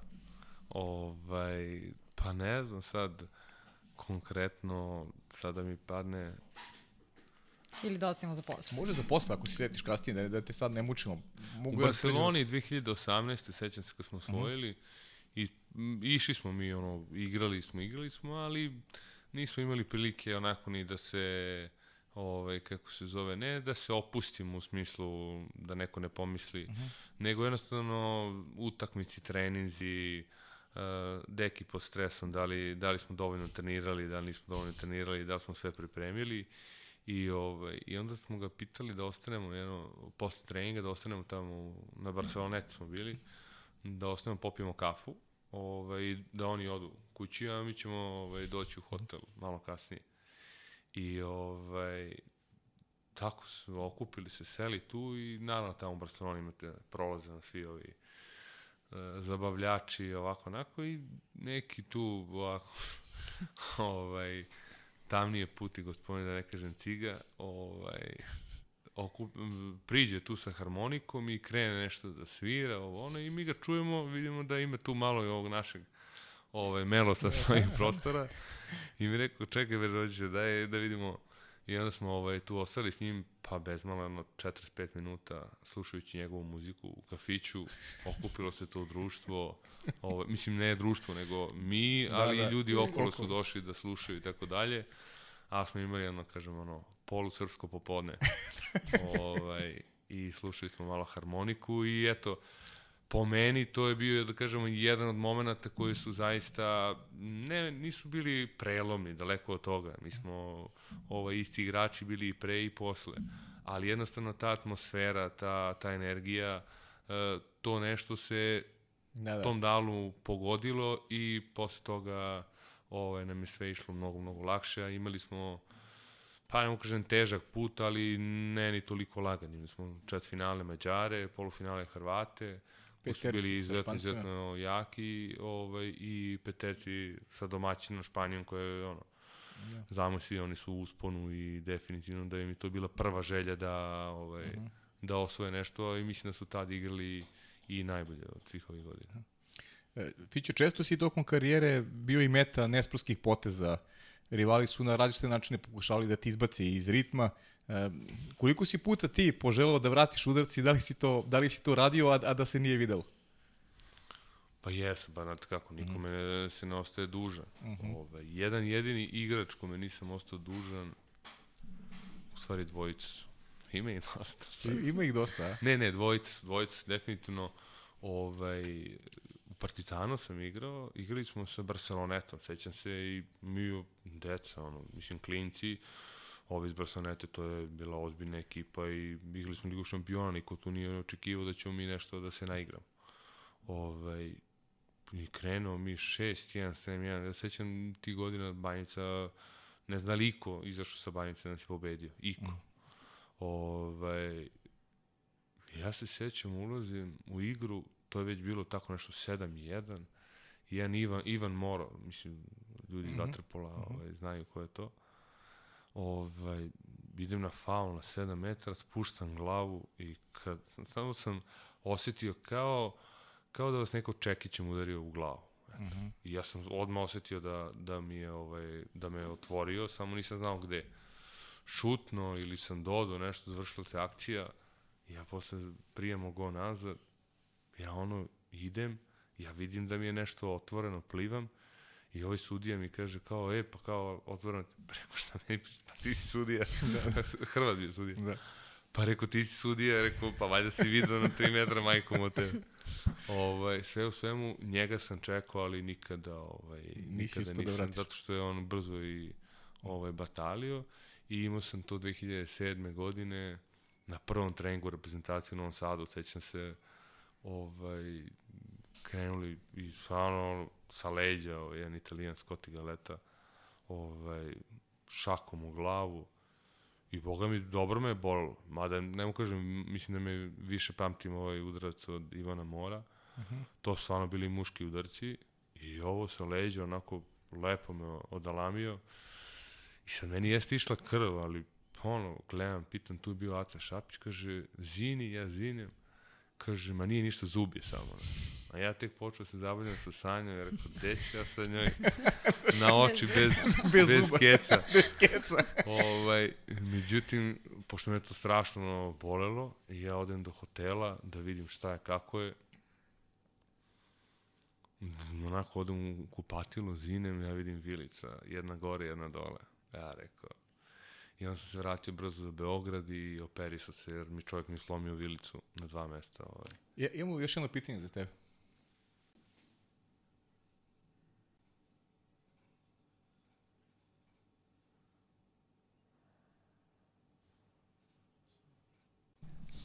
Ćao Fifi, ovaj, ništa, eto, svi, svi, svi se trudimo kao nešto da budemo ozbiljni, ja bih samo teo da se da se osvrneš na svetsku ligu u, u Berlinu i one tvoje slomljene vilice i kako smo te ovaj eto kako smo se malo šalili posle na konto na konto svega toga eto ništa više. Veliki pozdrav i želim ti sve najbolje. Ovaj, pa naravno, uvijek su se sprdali sa da. Ove, ne, vratili, ja sam se vratio na, na svoju ličnu odgovornost. Uh, doktor Žika Nikolić ko me operisao, mm koja mislim ovaj, do, do kraja karijere ću mu biti zahvalan. Ovaj, ne samo što je meni pomogno, stvarno smatram da je, da je vrhunski ovaj, hirurg i znalac. Ovaj, on je mene shvatio da ja želim da se vratim ovaj, ranije nego što bilo koja, da kažemo, mm -hmm. logika ovaj, dešavanja to, to nalaže. On je meni bukvalno stavio te metalne, mislim ne metalne, titanimske. Uh mhm. -huh. Ove pločice mi stavio u vilicu i rekao mi je treba tu dva, tri meseca ovaj, da prođe i tako dalje. Ja sam rekao, doktore, to dolazi u obzir. Da imamo vremena to. Jedan svetsku ligu, nismo se plasirali, meni to da bilo ovaj, onako jako stresno. Ovaj, rekao, imamo svetsku ligu, treba se plasiramo u olimpijadu, kao da od mene sve zavisi. -hmm. ovaj, tu sam ja teo i to je možda, eto, da kažem, jedan iz momenta kada sam i emotivno teo da pomognem ovaj, ovaj, Dejanu Udovičiću koji je tada ostao bez majke. Mm -hmm. I, ovaj, a bio je selektor i ja sam jedva čekao samo da se vratim i da pomognem i njemu, naravno, i reprezentaciji i sve. Doktor rekao, to apsolutno ne dolazi u obzir. Ovaj, međutim, ja sam pisao posle sam, ovaj, kako se zove, da na svoju ličnu odgovornost ovaj, mm -hmm. idem da, da treniram se, da se bavim i rekao, jedino da doživiš još neki udarac, ali kaže onda, stvarno, onda će malo trebati ovaj, komplikovanija komplikovaniji zahvat. zahvat. Mm. Ovaj, I e, to je bila jedna od posljedica ovo što se Čiki zeza, što ja stvarno nisam mogao da se nasmejem, to je kad, kad sam se smeo, meni je, je ovaj, Vilica bežao na drugu stranu, jer kako su me operisali, tako mi je taj neki živac valjda da.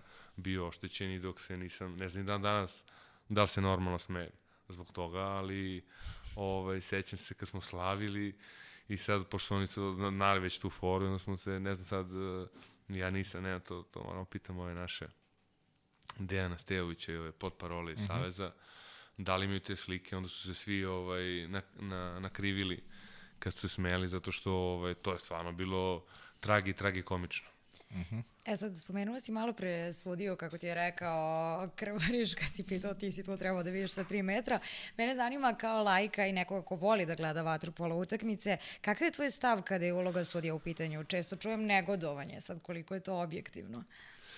Smatram lično da je uh, uloga sudije u vaterpolu uh, mislim kao i svakog sudije u svim sportovima, ali ovde jednostavno morate, morate da pratite, morate da znate uh, reklo bi se, morali biste da ste bavili tim sportom, da biste znali šta se dešava ispod vode. Dosta toga se dešava ispod vode. Uh, Ovaj, ali definitivno vaterpolo je jedan od sportova u kojima uh, sudije mogu da imaju uh, direktan uticaj na ishod uh, ovaj, rezultata.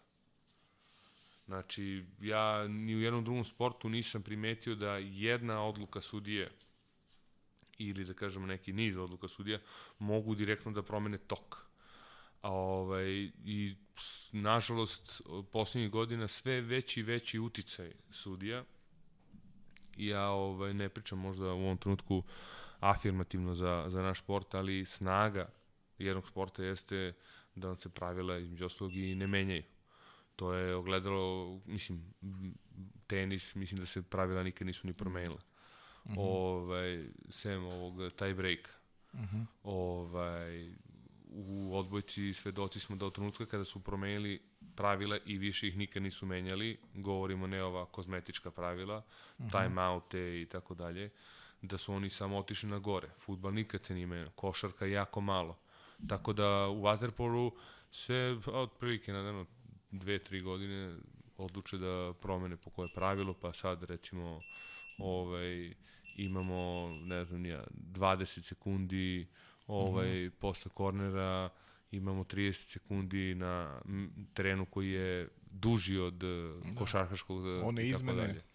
Izmene, uh, teli su za olimpijadu u, u, u Tokiju su te da stave 11 igrača, da. što praktično bi značilo da imate tri zamene u sportu koji je daleko otišao, mislim, govorimo fizički, Fizički, da. mi, ovaj, je to drugi sport odnosu na, u odnosu na pre pet godina, kamoli u odnosu na 10-20 godina unazad. Umesto da se povećavaju ti neke brojke, brojevi time-outa, da se daju ti neke i za marketničke ovaj, ovaj, ovaj stvari, da se daje više prostora, uh, jednostavno sve se prebija preko, da kažemo, leđa igrača i onda igrač, kada u nekom tom, da kažemo, žaru borbe i tako dalje, pogleda sudiju, ne daj Bože, pogleda sudiju, onda svaki sudija kao misli da to lično usmereno samo protiv njega da. i odma vas sankcioniše ili o, čak što više nije u sportu, nisam vidio da sudija, da igrač ne sme da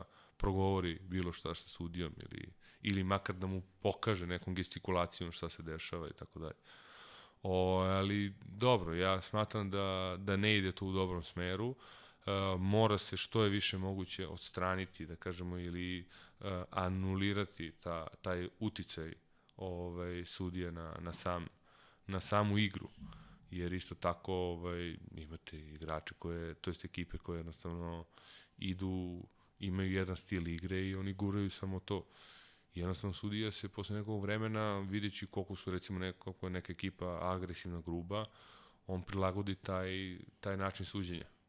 Isto tako danas uloga centra, ovo što smo pričali već poslednjih meseci, danas svako može da bude centar uhvatio protivničkog igrača, krene da se trese, da se dere, svako će mm, da, da leti da, napolje. Da. Kako god, da li vam Mića Aleksić bio bek ili da, Jakša. Da. Na, na zvuk i, se traži. Tako je. Mm. Ove, a za to sve smatram da ovaj, su potrebne ozbiljne sudije, ozbiljni profesionalci e, koji su posvećeni pre svega sportu i koji, da kažemo, ono, imaju imaju, analiziraju i sami sebe, analiziraju sport kao sport. Mm -hmm jer ovaj, sada već ulazimo u situaciju kada smo praktično u njihovim rukama, pogotovo kad igrate protiv ekipa koji su manje više vaše kvalitete ili, ovaj, ili makar približnog, sve je moguće.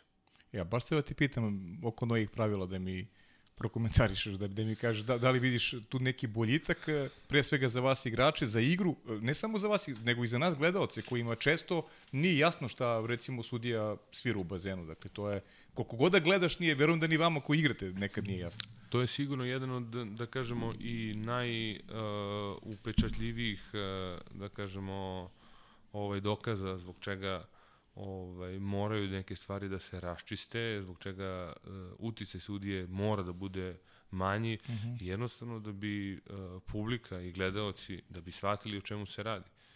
I mora da se radi na edukaciji, jer potrebno je zaista godine i godine su potrebne, da kažemo, nekoj publici da približite ovaj, pravila, da im približite, dok im vi približite, oni se već promene. Ova nova pravila, s, uh, praktično sem sem ovog uh, leteće izmene, koja ima nekog smisla, zaista, ovaj, oni su uveli leteće izmene, ali sada zbog uh, bazena, recimo, koji po Evropi i svetu, nisu svi praktično ovaj nisu svi 50 to jest 25 metara širine. Neki su naravno napravljeni pre 30 50 godina kada su da kažem 20 metara, mislim da čak i banjica 20 21 metar. Uh mhm. -huh. Praktično u tom bazenu vi ne možete da, odigrate utakmicu sa novim pravilima, što je apsolutna besmislica. Zašto? Zašto se sudije sudije ne dozvoljavaju da se vi gurate ovaj od ivice. A uveli su ta pravila. Svesni toga da 90% vratno bazena ovaj, nisu, nisu ovaj, pogodni. Mm. Što ima nekog smisla, kažem, ta leteća izmena može da bude i atraktivno.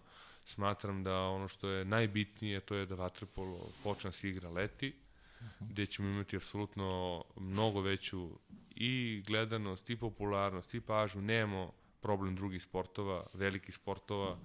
Ovaj, mislim da bismo bili jedan, da kažemo, bitnijih, ako ne i najbitniji sport tokom leta. Uh -huh. ovaj, I da se u olimpijskoj godini naravno to sve ovaj, odloži ili se pomeri za par meseci u napred ili posle toga.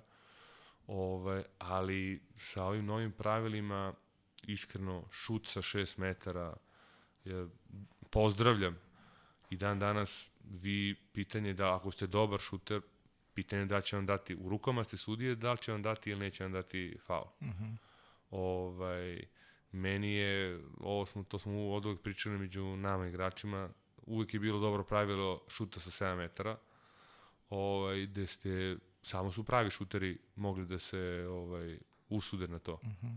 Kao i u košaci, vratno za trojku ne može da šutira centar, ne može da šutira, ne znam, neko ko nema snažan šut i tako dalje, precizan.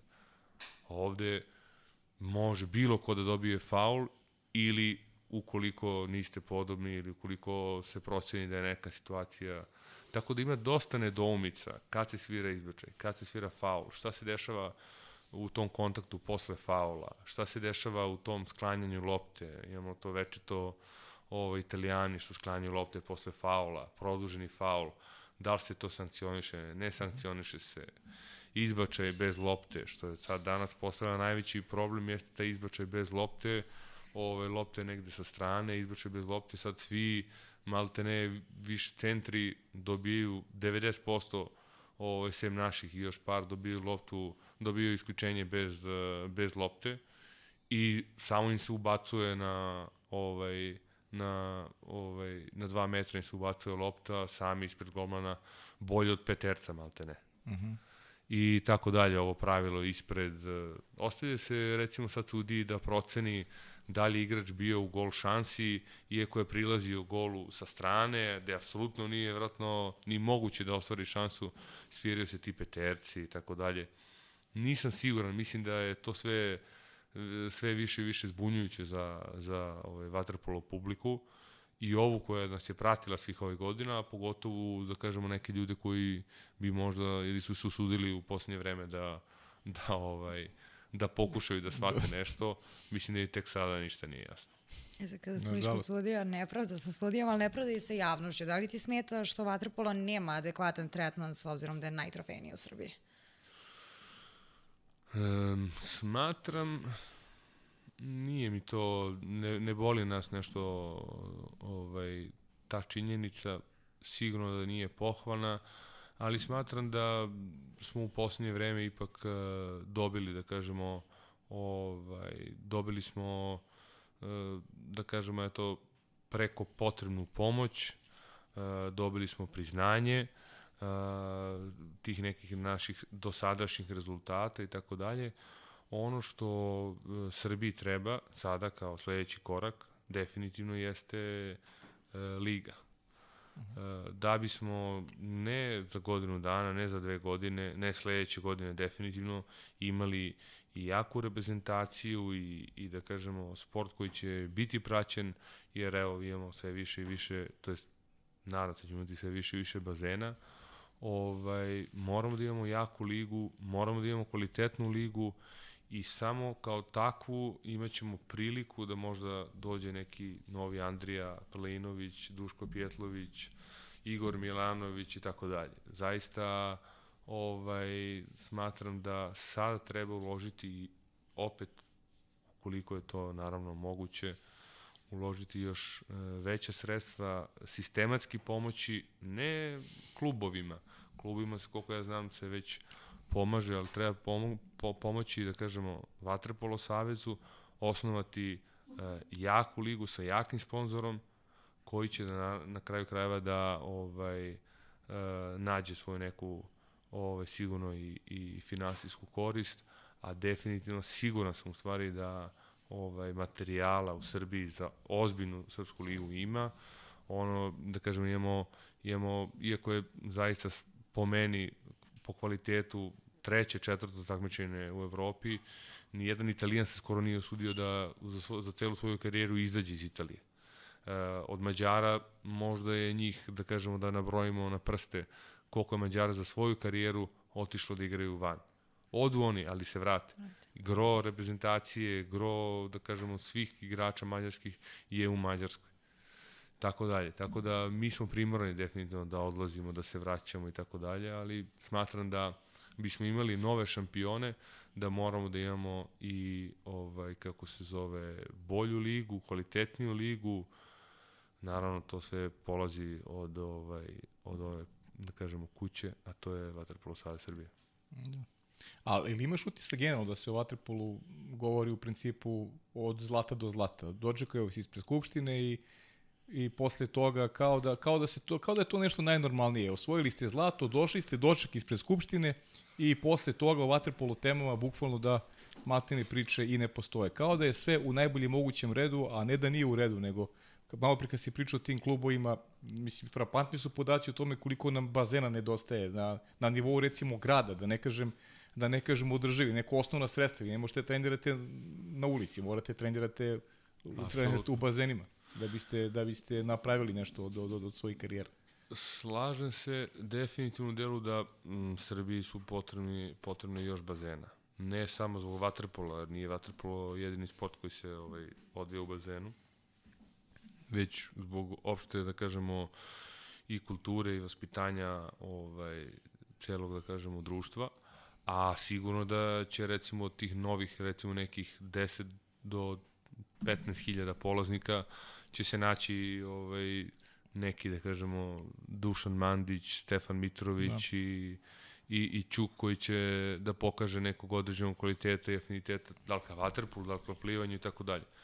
Uh, ono što je isto bitno jeste da se zaista stvore uslovi i ono što smat, stvarno smatram da fali, da se stvore uslovi da u ovom domaćem takmičenju može da se organizuje kvalitetno prvenstvo, da se eventualno dovedu stranci ovaj, kvalitetni ili, da kažemo, mladi, ali opet sa ovaj, određenim kvalitetom i da se gro Srpske lige bazira na našim igračima, uz, da kažemo, nekoliko stranaca koji će možda sutra, danas imate Beograd, Beograd pre svega postoje metropola. Ljudi bi želeli da dođu da žive u Beograd, ali ne da dođu da igraju ovaj, za Partizan ili Zvezdu i da, da znaju da će primiti jednu od 11 ili 10 plata i tako dalje, ili da ne prime ništa. Mm. Tako da ovaj, smatram da i sa tog aspekta uh, klubovi bi trebalo da iznađu načina da ovaj naprave, to jest opet kažem ideja mora potekne od Saveza i Savez definitivno da je pre njima da kažemo jedan veliki izazov ali ukoliko žele da ovaj ovaj sport pomere da kažemo na na ovaj na bolje onda je definitivno jedan od, jedna od po meni ideja jeste o, osnivanje, da kažemo, jake, jake ovaj, srpske lige. Mm -hmm. E sad dajmo malo još o reprezentaciji. Počeo si još u Kranju 2003. godine osvajanjem zlatne medalje. A, praktično si ispratio jednu generaciju, a onda sa svojom ostvario nezamislive rezultate. Prošlo je 17 godina. Da li veruješ uopšte da je toliko prošlo? Svestan sam, ali ovaj, ne verujem. Mislim, brzo je to sve prošlo. Prošlo ovaj, deluje kao da je bilo pre 7-8 godina, ne 17. Ovaj, pa eto, aj kažemo, taj kranj, sećam se, ovaj, Petar Trbović da me ubije tada, ovaj, jer Pe, Petar ima nekih problema zdravstvenih i praktično i ja nisam otišao sa, sa ekipom, znao sam da sam tu, da kažemo, ovaj, na stand-by-u i da čekam Petar rezultate i tako dalje. Dečko je sigurno imao o, mislim, dečko, čovek, dečko u to vreme, ali vreme, da. ovaj, je imao sigurno uh, i veće motive nego ja da se ovaj, bori za, za mesto u reprezentaciji, da bude tamo, jer se on već izborio. Međutim, ja sam njega zivkao jedno dva, tri puta dnevno, da vidim da li on, ovaj, da li je on zaista bolesan da, da bi ja mogao da krene. I ovaj, na kraju krajeva Petar je onako dosta ovaj, tih i promišljen, ali u jednom trenutku mi je rekao, Fićo, sve u redu, ići ćeš tamo, samo da vidim da li sam ja dobro i da li ja mogu da, ovaj, da putujem ili ne, ako ne, svakako tvoje mesto je tamo i ja ću biti prvi koji će ti reći. I onda mi je posle toga već javio ovaj, da on neće moći da pomogne ekipi. To je bilo moje, da kažemo, moj debi. I prve ne prespavane noći sa, sa Denisom Šefikom. Tako. Da. I, I sve ono što se dešavalo po svestom, onaj kompletan ono, onoga, onoga Dobro, krajnja. to, je, to su stvari koje manje više ljudi znaju. Da. znaju ali te prve noći sa Denisom to je bilo ovaj, jako, jako stres. Stresno, da. Što Denis ne spava uopšte? Pa spava, ali drugi oko njega ne spava. A drugi oko njega ne spava. Šalim se. Sećam se tog uh, dana finala. Uh, ja mislim da je Šele prešao u dnevnoj sobi pa eno, 7 do 8 km. Jeste, a? Ove, da, šetajući se gore dole, ja se pravio da spavam, u stvari sam mogu samo slušao kako ovaj, grebe po onom tepihu i šeta. Ali eto, na kraju ovaj, završilo se sve najbolje i sigurno da ima jednu od ovaj, boljih utakmica u, u, u svojoj karijeri. Da. E, pričat će se tvojim sledbenicima, shvatio sam, a neko i volim sam da istaknem taj Rin 2009. godine. Tada je nekako e, i su i najavljene mogućnosti tvoje generacije i, i u krajnjem slučaju i tvoje liderske sposobnosti. E, pored osvojenog zlata ti si bio najbolji stelac e, tog turnira. Mm, da.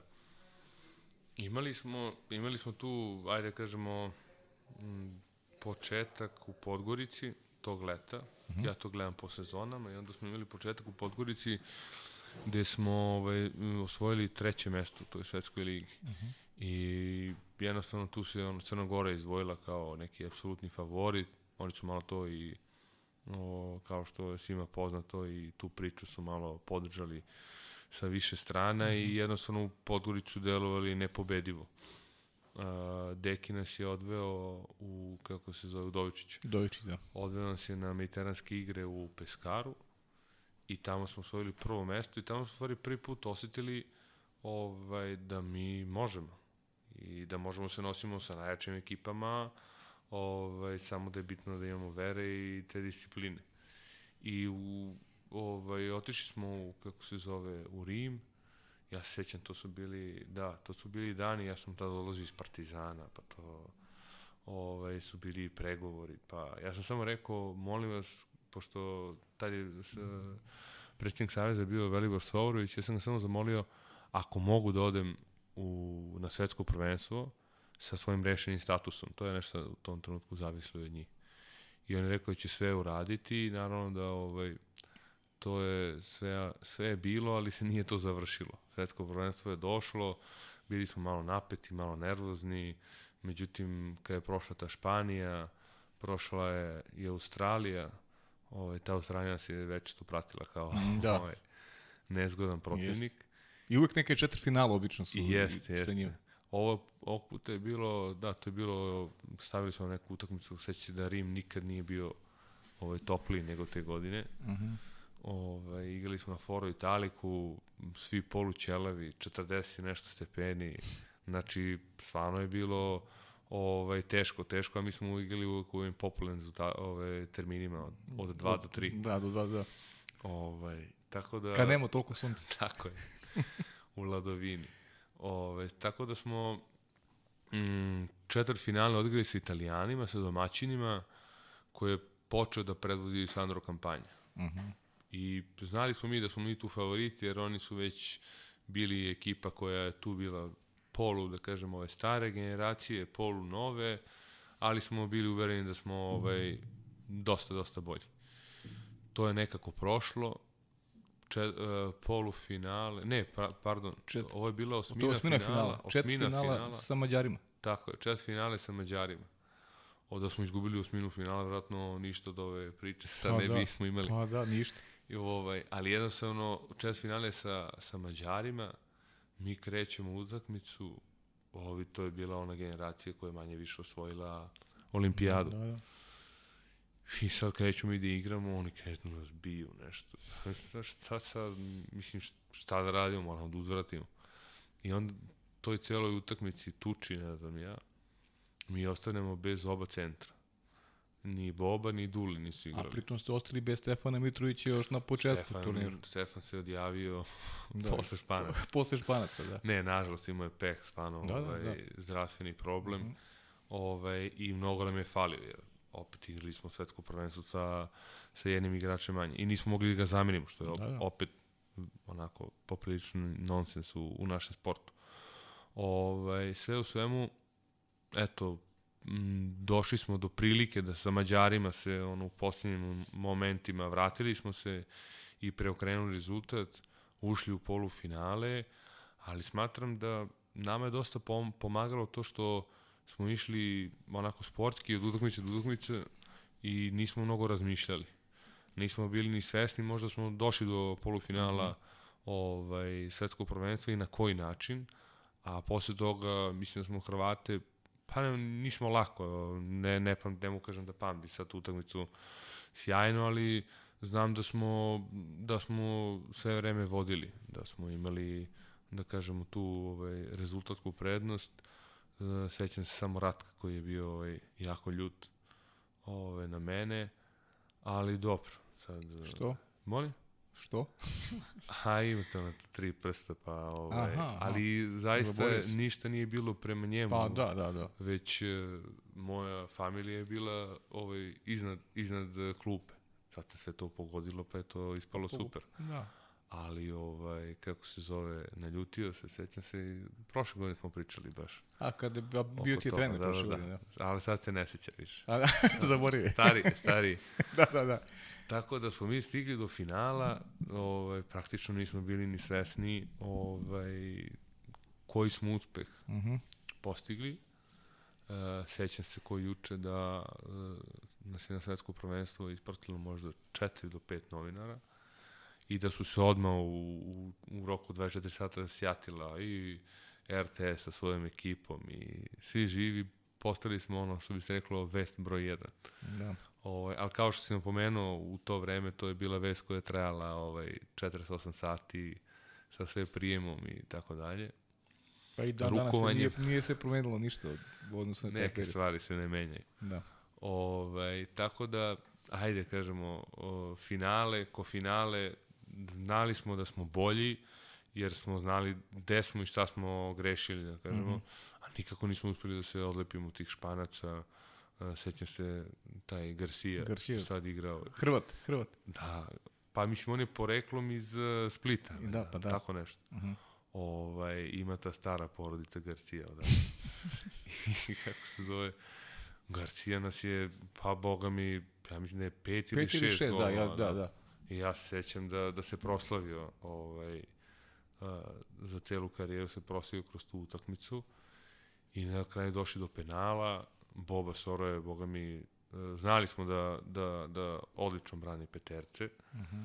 ovaj, ali nismo znali šta od nas da očekujemo.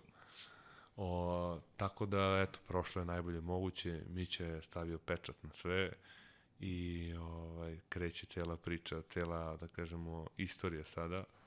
Ali ono što napominjem mnogim ljudima što nas pitaju, mi jesmo sada starija generacija koja je napravila zaista već evo skoro deceniju i više ovaj pravi uspehe, ali ja iskreno smatram ukoliko budemo imali priliku i šansu za to da nismo svoju priču još uvijek završili. Ja, ali na što je digresija sad cijeli na cijelu priču? Što možda se dogodi da je počelo sa petercima protiv Španije i da se završilo sa petercima protiv Španije ukoliko ne bude olimpijskih igara naredne godine. Ne, da li, ne, ne da li bi će, to volao. Da, pa ne, bi, to ne bi niko volao. Onda ćemo organizovati nešto. A, neki, neki, neki drugu, neku drugu zgodu. a? Onda morate da nastavite igru u reprezentaciji, ne, nema vam drugog onda. Pa morat ćemo, ne, ja sam iskreno optimista i volao bih da, da dođe do tih olimpijskih igara, pre svega zbog nas sportista, jer e, onaj koji je odigrao olimpijadu zna i svestan je e, težine i veličine samog takmičenja i šta sa, novo, e, šta sa sobom nosi. Sigurno da bi kao sportista volao da se oprostim ovaj, sa reprezentacijama na jednim olimpijskim igrama. Kako god rezultat bio, ali mi definitivno nije ovaj, u planu bilo da... Da se Da oprotiš petercima sa Španijom. tako je, tako je, Da. tako je. A tu i da postavimo pitanje, može li Srbija da odbrani zlato na olimpijskim igrama? Može da osvoji, da odbrani ne može, ovaj, jer kad god smo nešto branili, nismo ništa ovaj, uspeli da odbranimo. Ovaj, po Da. tome smo poznati. Da, Ali ovaj, Dobra i, to ne, i to ne samo u sportu. tako je. Ovaj, ali kad god smo osvajali, mislim da ovaj, i imali pre svega ovaj, tu energiju i tu želju da, da osvojimo nešto, da, da uzmemo, da, da pobedimo, smatram da, da, da imamo šanse. Da, imamo šanse i, i ovako, što bi neki rekli, ovaj, matori i sve, ali e, definitivno da fizički e, to neće biti izgovor i da možemo i tekako da se pripremimo ovaj, da budemo konkurentni sa i mlađim i ovaj i fizički možda sa trenutno spremnijim igračima. E, a da li Rio doživljuješ kao, kao krunu negde i tvoje karijere i cele generacije, s obzirom da e, pored tog olimpijskog olimpijskog zlata što je sam svakog sportiste, ti si doživao i, i lično priznanje. Ti si bio i najbolji stelac turnira, najbolji igrač turnira, dakle onako po- pogodilo se, svi su elementi onako sklopljeni iz, iz ugla a, tvoje neke individue, neke tvoje ličnosti, zadovoljenja samog sebe, a naravno s druge strane si doprinao da ekipa osvoji nešto što je, što je bio san od kad ste se okupili praktično zajedno. Sigurno, sigurno da je to bila kulminacija ovaj, i kruna ovaj, naše karijere i te generacije, a ja sam bio zaista i to nije meni problem, ovaj, pomenut ću još koji put dok ljudi ne shvate, ja sam samo bio samo mali šraf u, u toj mašini koja, ajde kažemo, početak samog takmičenja nije nije nešto ovaj dobro palila. Ali ovaj onog trenutka kada smo kada smo ovaj postali svesni šta možemo da izgubimo i i ovaj šta se sve dešava jer mi smo i dalje ja mislim da nismo ni posle uh, ni posle remija sa Grcima bili svesni da da moramo da ubacimo ono što bi se reklo u, u četvrtu, u petu, ne bili smo ovaj, bili konkurentni i uopšte došli u priliku da se borimo za zlato. Mislim da i posle Grka nam je bilo kao, pa dobro, okej, okay. drugi ne mi, bit će to sve kako treba, jer se poznajemo vrlo dobro mm -hmm. između sebe. Šta sad, ona Brazil, mislim Brazil ko Brazil, ne može to. koliko može loše da bude i koliko god je moglo da bude loše, toliko se i ostvarilo. Posle Brazila, stvarno mislim da, da su to, da kažemo, možda i najduže dve, tri noći ovaj, u našim karijerama. Uh -huh. Ja ne znam da li iko spavao, pošto uvijek smo imali tu sobu za druženje i tamo smo o, odemo, pozdravimo se u 2, 3 i u 5 sati se vratimo nazad. Neko je donao sliku, nije. da li Mića ili Manda, zaborio se već iz te sobe za druženje čuven. Da, da, Ili- da, da. Ovaj, to nam je mnogo pomoglo i pomaže nam dan danas i ja mislim da ovaj, kad god se nađemo na tako nekim turnirima gde smo jednostavno vezani za hotel i za to da ne bi narušavali bilo čiji mir, smatram da u toj sobi imamo ono svu slobodu i za druženje i za priču i za razgovor ovaj, jer smo na kraju krajeva pogotovo u posljednjih godina željni jedni drugih Mm -hmm. Ne vidimo se po nekoliko meseci, kad su pripreme, mislim, nema šta, radi se i tako dalje, ali jednostavno, eto, kada, kada dođu ti turniri, ta soba nam je i relaks i ovaj, team building i druženje i, i ovaj, kafić i kafana i sve. E, Fića, e, pandemija koronavirusa se odrazila definitivno na, na vaterpolo zbivanje u celom svetu i mnogi su ostali, igrači ostali bez klubova. E, ti si napustio, napustio si Reko i usledio je sada prelazak u Solnok. E, Ti si igrač koji de- definitivno nije mnogo ni menjao klubu u karijeri. Igrao si za Partizan, igrao si za Pro Reko za radnički i sada si posle Pro Reka opet došao uh, u Mađarsku, jedan novi izazov i sada već možeš tamo da podeliš neka, neka iskustva, pošto si provio jedno kraće vreme tamo. Pa kako ti izgleda cela priča uh, vezana za Solnog? Pa izgleda mi da smo dva, dva i po meseca radili za džabe. Da. Što bi rekli, džabe smo krečili. Uh -huh. Nažalost, e, sve je povodom ove situacije. Mi smo naime igrali, to jest trenirali smo dva meseca da bi posle toga počeli ti turniri e, m, kvalifikacioni ili kako već ih nazvali za kup Mađarske, plasirali se na ovaj taj završni Final Four i u sredu, prošlu sredu već trebali smo da igramo sa ovaj, ekipom OSC-a polufinale i četvrtak finale, da bismo u sredu dobili informaciju na putu ka Budimpešti uh.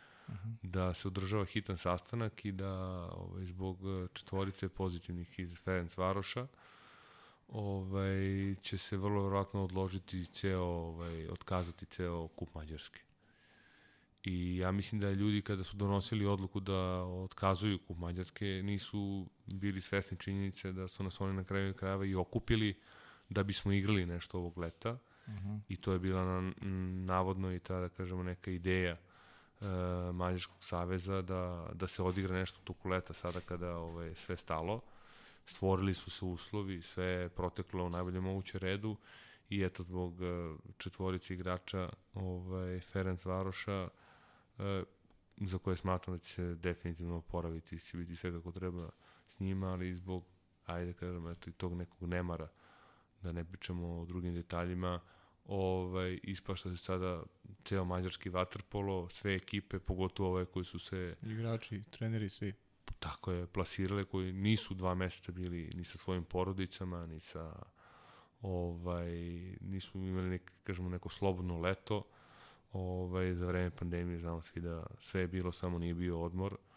Ovaj, ali, bože moj, idemo dalje. E, Mađarski, Mađarska liga jeste najjača liga u Evropi i tu isto dolazimo, ovaj, ono što smo već imali na, sa, o, o temi sudija, dolazi do potpunog zbunjivanja, jer meni, da kažemo, prelazak iz uh, uh, italijanskog načina suđenja u Mađarsku, uh, gde sam ja mislio da je to onako mnogo iskrenije, mnogo žustrije mm -hmm. i mnogo tvrđi, da kažemo, vaterpolo, tipa kao kad bi poredili u futbolu engleski futbal i, i ostale. Mm -hmm. ovaj, sam na kraju shvatio da je ovo vamo još veća predstava ovaj, i da je jednostavno samo pitanje o, ko kakvu ulogu ima i ovaj, e, ne znam, jednostavno ne sviđa mi se sa te strane način ovaj kojim ide mađarski vaterpolo, pre svega što to opet nema veze nikakve sa evropskim suđenjem. Mm -hmm. Znam i svesan sam da, Bože zdravlje, sutra kad budemo došli da igramo Ligu šampiona, to će biti sasvim treći kriterijum i tako dalje. Ali definitivno što tiče kvaliteta igrača i ekipa i samog uh, ulaganja u, u sport, mislim da su daleko, daleko, to je deceniju ispred svih ostalih uh, federacija. E sad ima tu malo i simbolike u tvom transferu, kada se Živko Gocić oprostio od državnog tima, ti si postao kapitan, a sada ti je trener. Jeste, Žile mi je trener i ne mogu da, da ovaj, ne priznam da mi je malo čudan osjećaj. Mm -hmm. ovaj, naravno da kad se dođe na bazen sve to ovaj, manje više ostalo sve isto. Ja sam njega slušao i, i kad je bio kapiten i kad je bio saigrač. Ovaj, jednostavno sad ima, kažemo, zvaničniju ulogu ovaj, i mogu vam reći da se i tekako i tekako dobro ovaj, nosi. Mm -hmm. U toj ulozi bilo da što je mlad trener, što nema mnogo, da kažemo, iskustva ovaj, koje je sigurno u jednom trenerskom poslu i tekako potrebno, pogotovo u ovim stresnim situacijama i utakmicama, ali Žile za sada stvarno ovaj, odlično, odlično pliva i, i van bazena. A što se tiče samog prelaska, to sam samo teo kažem, uh -huh. uh, dosta ljudi uh, je zbunjivalo i da kažemo možda malo i, i mediji nisu prenili na najbolji mogući način ovaj, ili to ljudi nisu shvatili. Uh, ovaj rastanak sa prorekom je bio već odavno poznat i najavljen Baš se te ovaj, pitam. Ovaj, da, s obe strane, tako da ovaj, nije to nikakva bila novost. Mhm. -huh. Ja sam planirao da završim u proreku u olimpijskoj godini, ovaj, imao sam ovaj, neke planove za, za, za budućnost i dogovorili smo se već od da kažemo, kraju saradnje već 2018. godine kad sam potpisao uh mhm, -huh. Novi praktično, da, mhm. ovaj poslednji ugovor i tako dalje. Ali e, si žel, da, želeli si soplistiš na tom Final Eight-u koji je bio planiran na, to je, to je šteta što se to nije dogodilo. Rekao je organizator treba da bude Final Eight ove godine. Upravo, upravo to. Moja najveća želja jeste bila od trenutka, ne samo u ovih poslednjih par godina, od kad sam došao u Pro uh mhm. -huh. jeste da zaigram na tom bazenu Punta Santana, uh -huh. koji je da kažemo, jedini pravi rekov bazen. Uh mhm. -huh. ovaj, I oni su, da kažemo, uspeli ovaj, posle toliko godina i napora da, ovaj, da dobiju organizaciju na svom bazenu, jer smo m, pre, tri, pre dve godine smo igrali na, u Đenovi, koji je bazen koji smo verova, verovatno kao i ostali, ostale ekipe videli ono, jednom u ovaj proteklih 7-8 godina. Jeste vam blizu Genova, ali vam Jeste blizu, ali nikad nismo tamo išli i bukvalno smo odigrali jednu utakmicu sa Solnokom, ja mislim zvaničnu i to je to. Sve ostalo Mhm. smo ovaj igrali tamo u Soriju i tako dalje, nikada nismo. I ovo je bila prva i jedina prilika, vjerojatno posljednja prilika moja, ovaj, da zaigram kod kuće i sama činjenica je mene toliko radovala, čak sam i tada bio nesrećan, bio sam kod vaše kolege ovaj, sa arene, sam, uh, radili smo neku emisiju, ja sam rekao, evo, možda ovde, može se desi da sledeće godine, ovaj, kako se zove, završim karijeru i Ivan kaže, Ivan kaže kakav bi to bio ovaj kraj karijere u, u Proreku, ja rekao, to je samo i snova. I to je bilo na putu da se ostvari, ali jednostavno ova situacija sa, sa, sa ovim covidom, kako god je nazovemo, je definitivno promenila mnoge, mnoge stvari. Mm. Ja siguran sam da je naš sport promenila ono, bukvalno za, za 180 stepeni. Ja, znate što mene zanima iz moje perspektive? Koliko je teško iz manje grada na moru prebaciti se u Mađarsku? Iz manjeg u još manje. A, Ali opet ovo je more. pritom, ja, i pritom ja sam bio ono jedne godine jedne godine smo se videli tamo ono sa, sa, sa Jugoslavom, ono je stvarno, stvarno lep gradić. I tebi neko taj stil života je utisak da tebi, tebi odgovarao taj neki mir koji si tamo, koji si tamo imao. Zaista je onako mirna jedna sredina, a, a, za neki takav život je apsolutno odgovarajući. Ja sam se u potpunosti pronašao tamo. Mm -hmm. e, zaista s, uživao sam u, u, u tokom cele godine, ne samo kad je bilo lepo vreme i kada imate ono što kaže more, talase, živeo sam na jednom fan, fantastičnom mestu.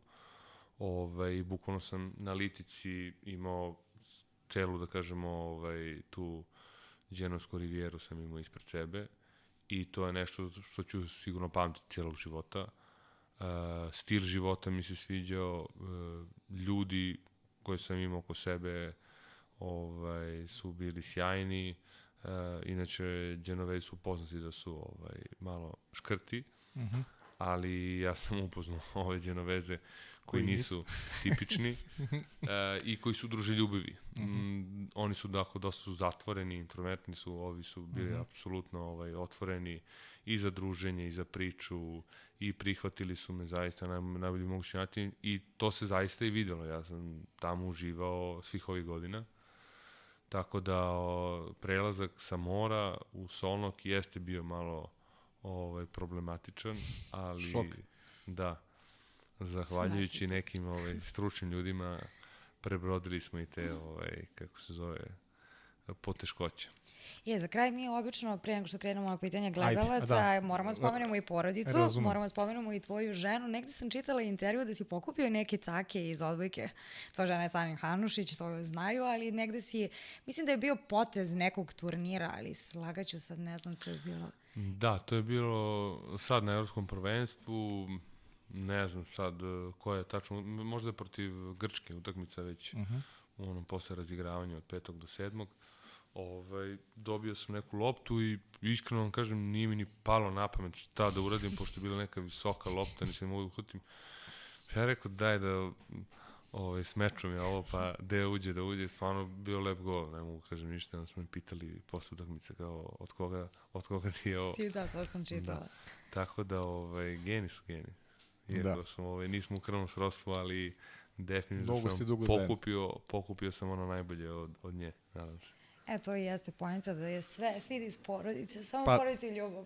Tako je. Pa dobro, hoćemo, hoćemo da da, mm. da otkrijemo još neke detalje pre početka. Pričali pa, smo o Vuku, pričali jesmo, smo o Vuku, pozdravljamo puno Vuku i Sanju. I Bože zdravlja, ovaj, pričat ćemo i, i o, i o ovaj, još jednoj osobi, A, naime, Sanja, da, Sanja je trudna, evo, jedna lepa vest za... Ovaj, najlepša moguća vest. Najlepša moguća, hvala. Ekskluzivno za vas, da ne bude da ovaj da nemate ekskluzivitet. Mm, Time teže svi novi. Da, trudna je, čekamo jednu devojčicu i ako Bog da sve bude kako treba, u februaru mesecu imaćemo ovaj, ovaj razlog da se, da se radujemo i da slavimo. Super, i onda ćemo posle februara tamo čekamo te ponovo u goste, pošto znaš, da, znaš koliko ima još stvari ovde koje, koje te nisam pitao, svesno pretkačim, već smo, Vanja, smo prošli dva sata, je tako? Jesmo. Da, prošli smo dva sata, prosto morao sam da, da prekinem, da damo, teo sam još da ti pitam da li ostaješ u Vatrpolu posle karijere, ajde pre nego što pređemo na, na, na, na gledalce. Definitivno odluka da pomognem Partizanu ovaj nije vezana za ovaj za danas i za narednih uh, godinu dana, već je ovaj vezana za neki duži vremenski period, tako da ću ostati u waterpolu onoliko koliko bude mogu da mu pomognem. Ovaj kada budem shvatio da ne mogu više da pomognem i da dam ovaj svom sportu, A, Povući ću se. Trener? ne, ne, to definitivno To ne, ne, dobro, ne, dobro. da. No, dobro, dobro, dobro. To su čak pitali i dobro, gledalci. ajde, ajmo, idemo Koliko je pitanja meni stiglo, ti ne bi verovao i sad mi sve vrijeme stižu, pa ću morati sa telefona. Miksa Popović pita kako se osjećao, kako si se osjećao kad si se našao na spisu putnika, a to smo već rekli, da umesto Petra Trbojevića, koji ti je omiljeni timski kolega sa kojim si igrao, pita Calić. Omiljeni, pa sad da mi se... Ako možeš to da kažeš. Ako, Ne, e, definitivno saigrač sa kojim sam, ovaj, sa kojim dan danas uh, sarađujem manje više zatvorenih očiju i tako jednostavno se potrefilo. To je Prle. prle. Sa Prletom definitivno ovaj, mogu da igram i on mi je jedno, od, da kažemo, kad birate nekakvu ekipu, Andriju bi definitivno izabrao u svojoj ekipi ovaj, do kraja karijere, jer je igrač koji daje m, sebe celog od prvog do posljednjeg momenta, od prvog metra do posljednjeg napada, od do posljednjeg metra napad. Od prvog metra odbrane, jer stvarno je Da. O, ono što bi se rekao svestan igrač i pre svega igrač koji igra s srcem, ali veliki znalac i zaista sa njim, evo, za sve ove godine najbolju moguću saradnju ovaj, sam imao. Hoćeš Hoćemo ti? dalje? Možeš ti, Jeca ti slobodno. Zvezdica, evo ovako, Jeca Zvezdica, naša koleginica sa sport kluba, pita kakav si u odbojci. Pa mogu da dođu na ovaj na ovaj terene Šarka pa da provere. ovaj ove godine sam imao zbog svega ovoga sam imao više vremena ovaj malo se posvetim i tome da mislim ne da se posvetim nego da da jednostavno igram. Ovaj tako da dobar sam, imao sam dobrog učitelja ili učiteljicu. tako da ovaj nisam loš. Sigurno to može bolje, ali ovaj, za jednog uh, vaterpolistu, za jednog amatera, mislim da sam, čak sam teo i da se takmičim, da se prijemo za ovaj, to jedno takmičenje koje treba bude na šarku, pa, Aha. pa smo otkazali zbog ovih uh, mera preventivnih. Tako Dobro, da, bit će vremena.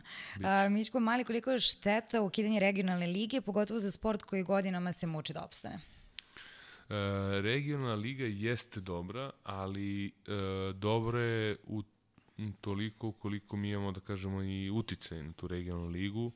Ove, smatram da u ovom trenutku za nas nije dobra, u ovom trenutku, a voleo bih naravno da se jedne godine opet, da kažemo, sastanu i da imamo kvalitetno, ako nemamo kvalitetno srpsko takmičenje, da makar imamo to kvalitetno regionalno takmičenje, gde će, da kažemo, mladi momci da sazrevaju, da stasaju, da imaju, da kažemo, utakmice na kojima će ovaj, zaista postajati igrači. Znači, a, Nikola S. i Luka Pljevančanin, manje više isto pitanje, neki savjet za nekoga ko treba da počne trenira, neki trik, fazon i kako se najbolje napreduje? Najbolje se napreduje tako što, ovaj, kao što smo i pričali, tako što se ne odustaje, tako što ovaj, se zacrta cilj i ide se ka njemu, ne osvrćući se mnogo iza sebe i trikovi i te stvari ne pomažu, ovaj, nisu ni meni pomogli, iako sam ih video mnogo, ja mislim da je glava i, i, i voljni moment ovaj, najveći trik koji verovatno celog života ne uspete da uhvatite do kraja. A, pozdrav iz Požeke od Partizanovaca, koji je sledeći korak za Da, to- spas, to smo već Partizan smo pričali. pričali, da. Čak su mi sada stigli pitanja iz Vatrpolo vesti i oni su dobili dosta pitanja na tu temu, ali to smo već prošli. Ko je najveći problem zbog koga je došlo do raspanja Partizana? Evo ovako, Krle, šta misliš o Vatrpolo klubu Beograd? Vaterpolo klub Beograd, sećam se dok sam ja ovaj, igrao, a to je bilo pre dosta godina, ovaj, imali su stvarno lepu školicu. Ovaj, mislim, lepu školicu. Bili smo mi na tim beogradskim takmičenjima, smo bili konkurentni.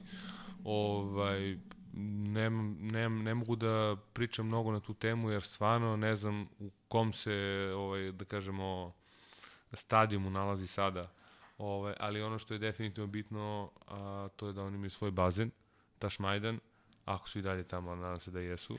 Ovaj, samim tim imaju lepe preduslove. Uh, ne znam šta, ne znam, opet kažem, ne znam koji su tačno treneri, ja se sećam još onda, bili su Tomke, Maka i tako dalje, sad možda to neka nova ekipa, ovaj, volao bih, jer ja definitivno smatram da što je više dobrih klubova i beogradskih, ali i naravno van Beograda, uh, to će vam biti bolji i, i sport.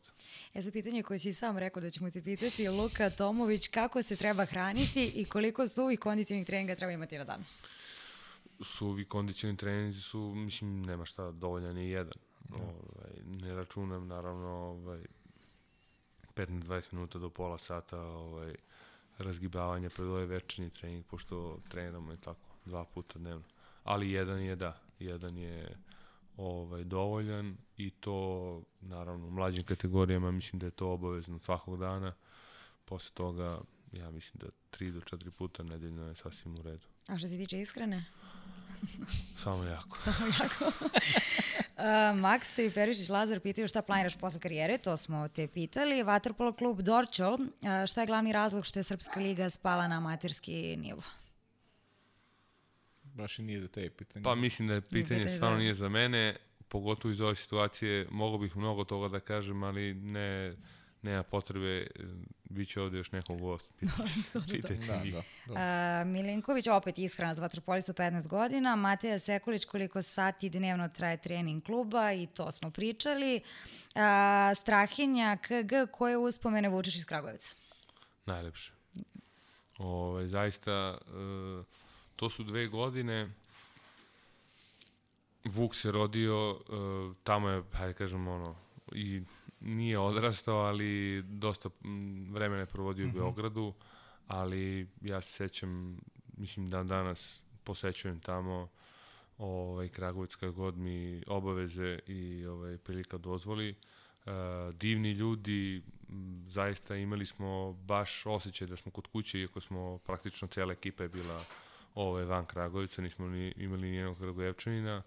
Uh, odlično se radi u klubu, zaista veliki pozdrav za ovaj, Jugoslava Vasovića i i naše Kembeta, ovaj, koji smatram da su ostavili već ozbiljan, ozbiljan pečat i napravili jedan vaterpolo regionalni centar u Srbiji. E, što se tiče samog grada, živ grad, e, dobri, veseli ljudi, iako znamo da tamo nije da kažemo da cvetaju ruže, ali uživaju u malim i prostim stvarima, a ja mislim da to je jedna od osobina koja je u posljednje vreme najviše cene. Uh -huh. Đole, šta misliš o golmanu Aleksiću? Uh, Aleksića ja iskreno ne poznam. Da, eto. Ja sam, ja sam posumnio da, da, ali eto. Aleksić iskreno ne, da. ali sigurno uh, u posljednje vreme, mislim, kako nas vreme da. prolazi, pamtim više ovaj, lica nego, mm -hmm. nego imena. Da. Rajkula pita je li te tu kao kole? nije, nije. Kole, kole nas je sve psovao, kole nas, ali Kole je jedan od, jedan od najboljih trenera za te mlađe kategorije, mm. koga sam ja imao i koji je, da kažemo, ovaj, prodefilovao kroz vaterpolo reprezentaciju. Nije me tuko, ali sve nas je psovao. Jakov Štiklica, najbolji golman po tvom mišljenju? Da, dobro pitanje. E, najbolji golman, pa, ja bih rekao Denis Šefik. Ove, iako nisi mogao spavaš pored njega? Iako nisam mogao spavam pored njega. Ne, ja sam 2006. godine, to je, i dalje sam bio vedljivo najmlađi u reprezentaciji, samo sam rekao, Neno Manoviću, Neno, ja ili idem kući, bili smo interkontinentalu. Rekao, ili idem kući ili mi nađe neku sobu, molim te. Ja ne mogu, jer sam znao šta me čeka. Posle prve večeri ja nisam ništa spavao. Ovaj, tako da sva sledeća premestim u drugu sobu. E, da idemo dalje sa telefona. Strahinja Pašić 08. Jel misliš da možda osvojiš titulu sa Solnakom? Pa to je cilj, to je želja, zbog toga sam i došao. Nisam došao u Solnog da ovaj, treniram i da uživam u, u Tisi. Waterpolo Story, naše kolege, kroz reprezentaciju si učio od nekoliko kapitena. Koji je najviše uticao na tvoj odnos prema igračima danas? E, pa i Živko i Vanja, iskreno. E, sa Vladom m, nisam imao, imao sam više kontakt, kontakata posle, ali za vreme, da kažemo, igračke karijere, najviše sa, sa, sa Vanjom, a posle toga i sa Žiletom. E sad od Aleksandrije Milošević A, si dobio kraj. 20 pitanja, bukvalno, pa većinu smo odgovorili. Možda je najzanimljivije koje treba da pitamo da li si zavoleo vino u Italiji i koje ti je omiljeno? Ja mislim da se čak da znam o kojoj se Aleksandar Milošević radi. On želi da bude sportski novinar i ona je veliki zaljubljenik u Jedna vaterpolu. divna osoba koja nas je stvarno na ono bezrezervni način uh, podržavala i, i voli nas i prati celu reprezentaciju, ne samo... Tako E, mnogo pitanja da- postavili i mnogo, Da, mnogo je lep komentar na pa možda e, ovo pročitaš. Pročitat ću, zato Da. sam mislila za kraj. A, kaže, za kraj moram reći da je Filip predivna osoba i veliki šampion koji mi je inspiracija. Volela bih da posjedujem borbenost, istrajnost i hrabrost koju oni i ostali reprezentativci posjeduju. Mnogo sam mu zahvalna što izdvoji vrijeme da navijačima odgovori na poruke, što meni mnogo znači i čini me presrećnom. Uvek svim srcem navijam za njih. Nadam se da će ovo proći pa da ću ih ponovo gledati u mom Smederevu gde dugo nisu bili, a to je za mene poseban doživljaj. Mnogo sreće mu želim u novom klubu i reprezentaciji. Tako je. Po, veliki pozdrav Aleksandru. Z, mislim, znao sam o, o kome se radi, kažem, bezrezervna podrška i ljubav koju uživamo stvarno te osobe. A što se tiče vina, vino sam upoznao ovaj, u, Špan, uh, u Francuskoj. Francuska. Sanja je igrala te dve godine igrala gore u Miluzu i tad smo prvi put počeli da pijemo ovaj, ozbiljno crveno vino. Ja, sad možeš kod Andrije malo da skokneš do Marseja, tako da imaćeš i... Pa ne bi bilo loše. Taj, taj Marsej, dobro, mo- možda bismo se ovaj, do Bordeaux spustili. da. Tako da, ne, ne, meni je vino je definitivno jedno od, eh, da kažemo, obsesija u posljednjih deceniju i nešto. Fiće delimo istu obsesiju, moram ti kažem. A ne samo vaterpolo. ne samo waterpolo. Ja ne, ne. ti ne, pa da, znao sam da ti ne. Uh, u svakom slučaju ovako smo mislili da završimo sa ovom porukom, jer je stvarno lepa poruka. Uh, kako ti se čini? Uh, pre svega, hteo bih da se zahvalim na, ne samo na vremenu i na ovim divnim pitanjima i temama koje smo prošli, već pre svega na strpljenju što ste imali ovaj vremena da me sačekate. Hvala vam puno. Ovaj viša sila je bila ovaj uh, me je sprečila da dođem ranije, ali sigurno ovaj da me ništa neće sprečiti da dođem opet kod vas. Ja kažem divno sam se ovaj i proveo i ima još zaista mnogo tema koje nismo prošli ali bit će prilike. Da, mi nismo htjeli da ti izmorimo način. Pa, Fićo, da ti kažem, vidio sam da ide vreme, mogli smo 5 sati imam utisak da pričamo, ali Verujem. nije poenta, pričat ćemo sledeći put, biće, biće novih tema. Mnogo mi drago što si bio i zaista sam uživao u ovoj priči. Mogu samo ti poželim da sve najbolje, da Hvala. pozdraviš puno Sanju, da se volite, da se pazite i da proslavit ćemo ovaj, i, i, i prinovu Na tamo u februaru, Daće proslavit će Bog. na pravi, daće Bog na pravi način i, i to je to. Pozdrav veliki za sve ovaj, gledaoce i, i slušaoce podcasta. Uh, hteo bih uh, da, da pre svega izrazim veliko oduševljenje i zadovoljstvo što ovakav vid emisije ovaj, postoji kod nas u zemlji i da vam dam put, potpunu podršku i sve, da kažem, ljubitelji ne samo vaterpolove sporta, da, da, da, da pogledaju, podrže i, i pomognu, pomognu ovu emisiju. Hvala ti puno i hvala ti što si došao i na lijepim rečima. Ja sam sasvim sigurna da će gledalci uživati jer stvarno ne pamtim da smo dobili ovoliko poruka i komentara. Nećemo najavljivati sledećeg gosta. Nećemo. Neka prate gledalci na našim Instagram profilima pa nek nam šalju pitanja. Tako je. U svakom slučaju uživajte uz intervju Filipa Filipovića. Mi se vidimo sledećeg četvrtka.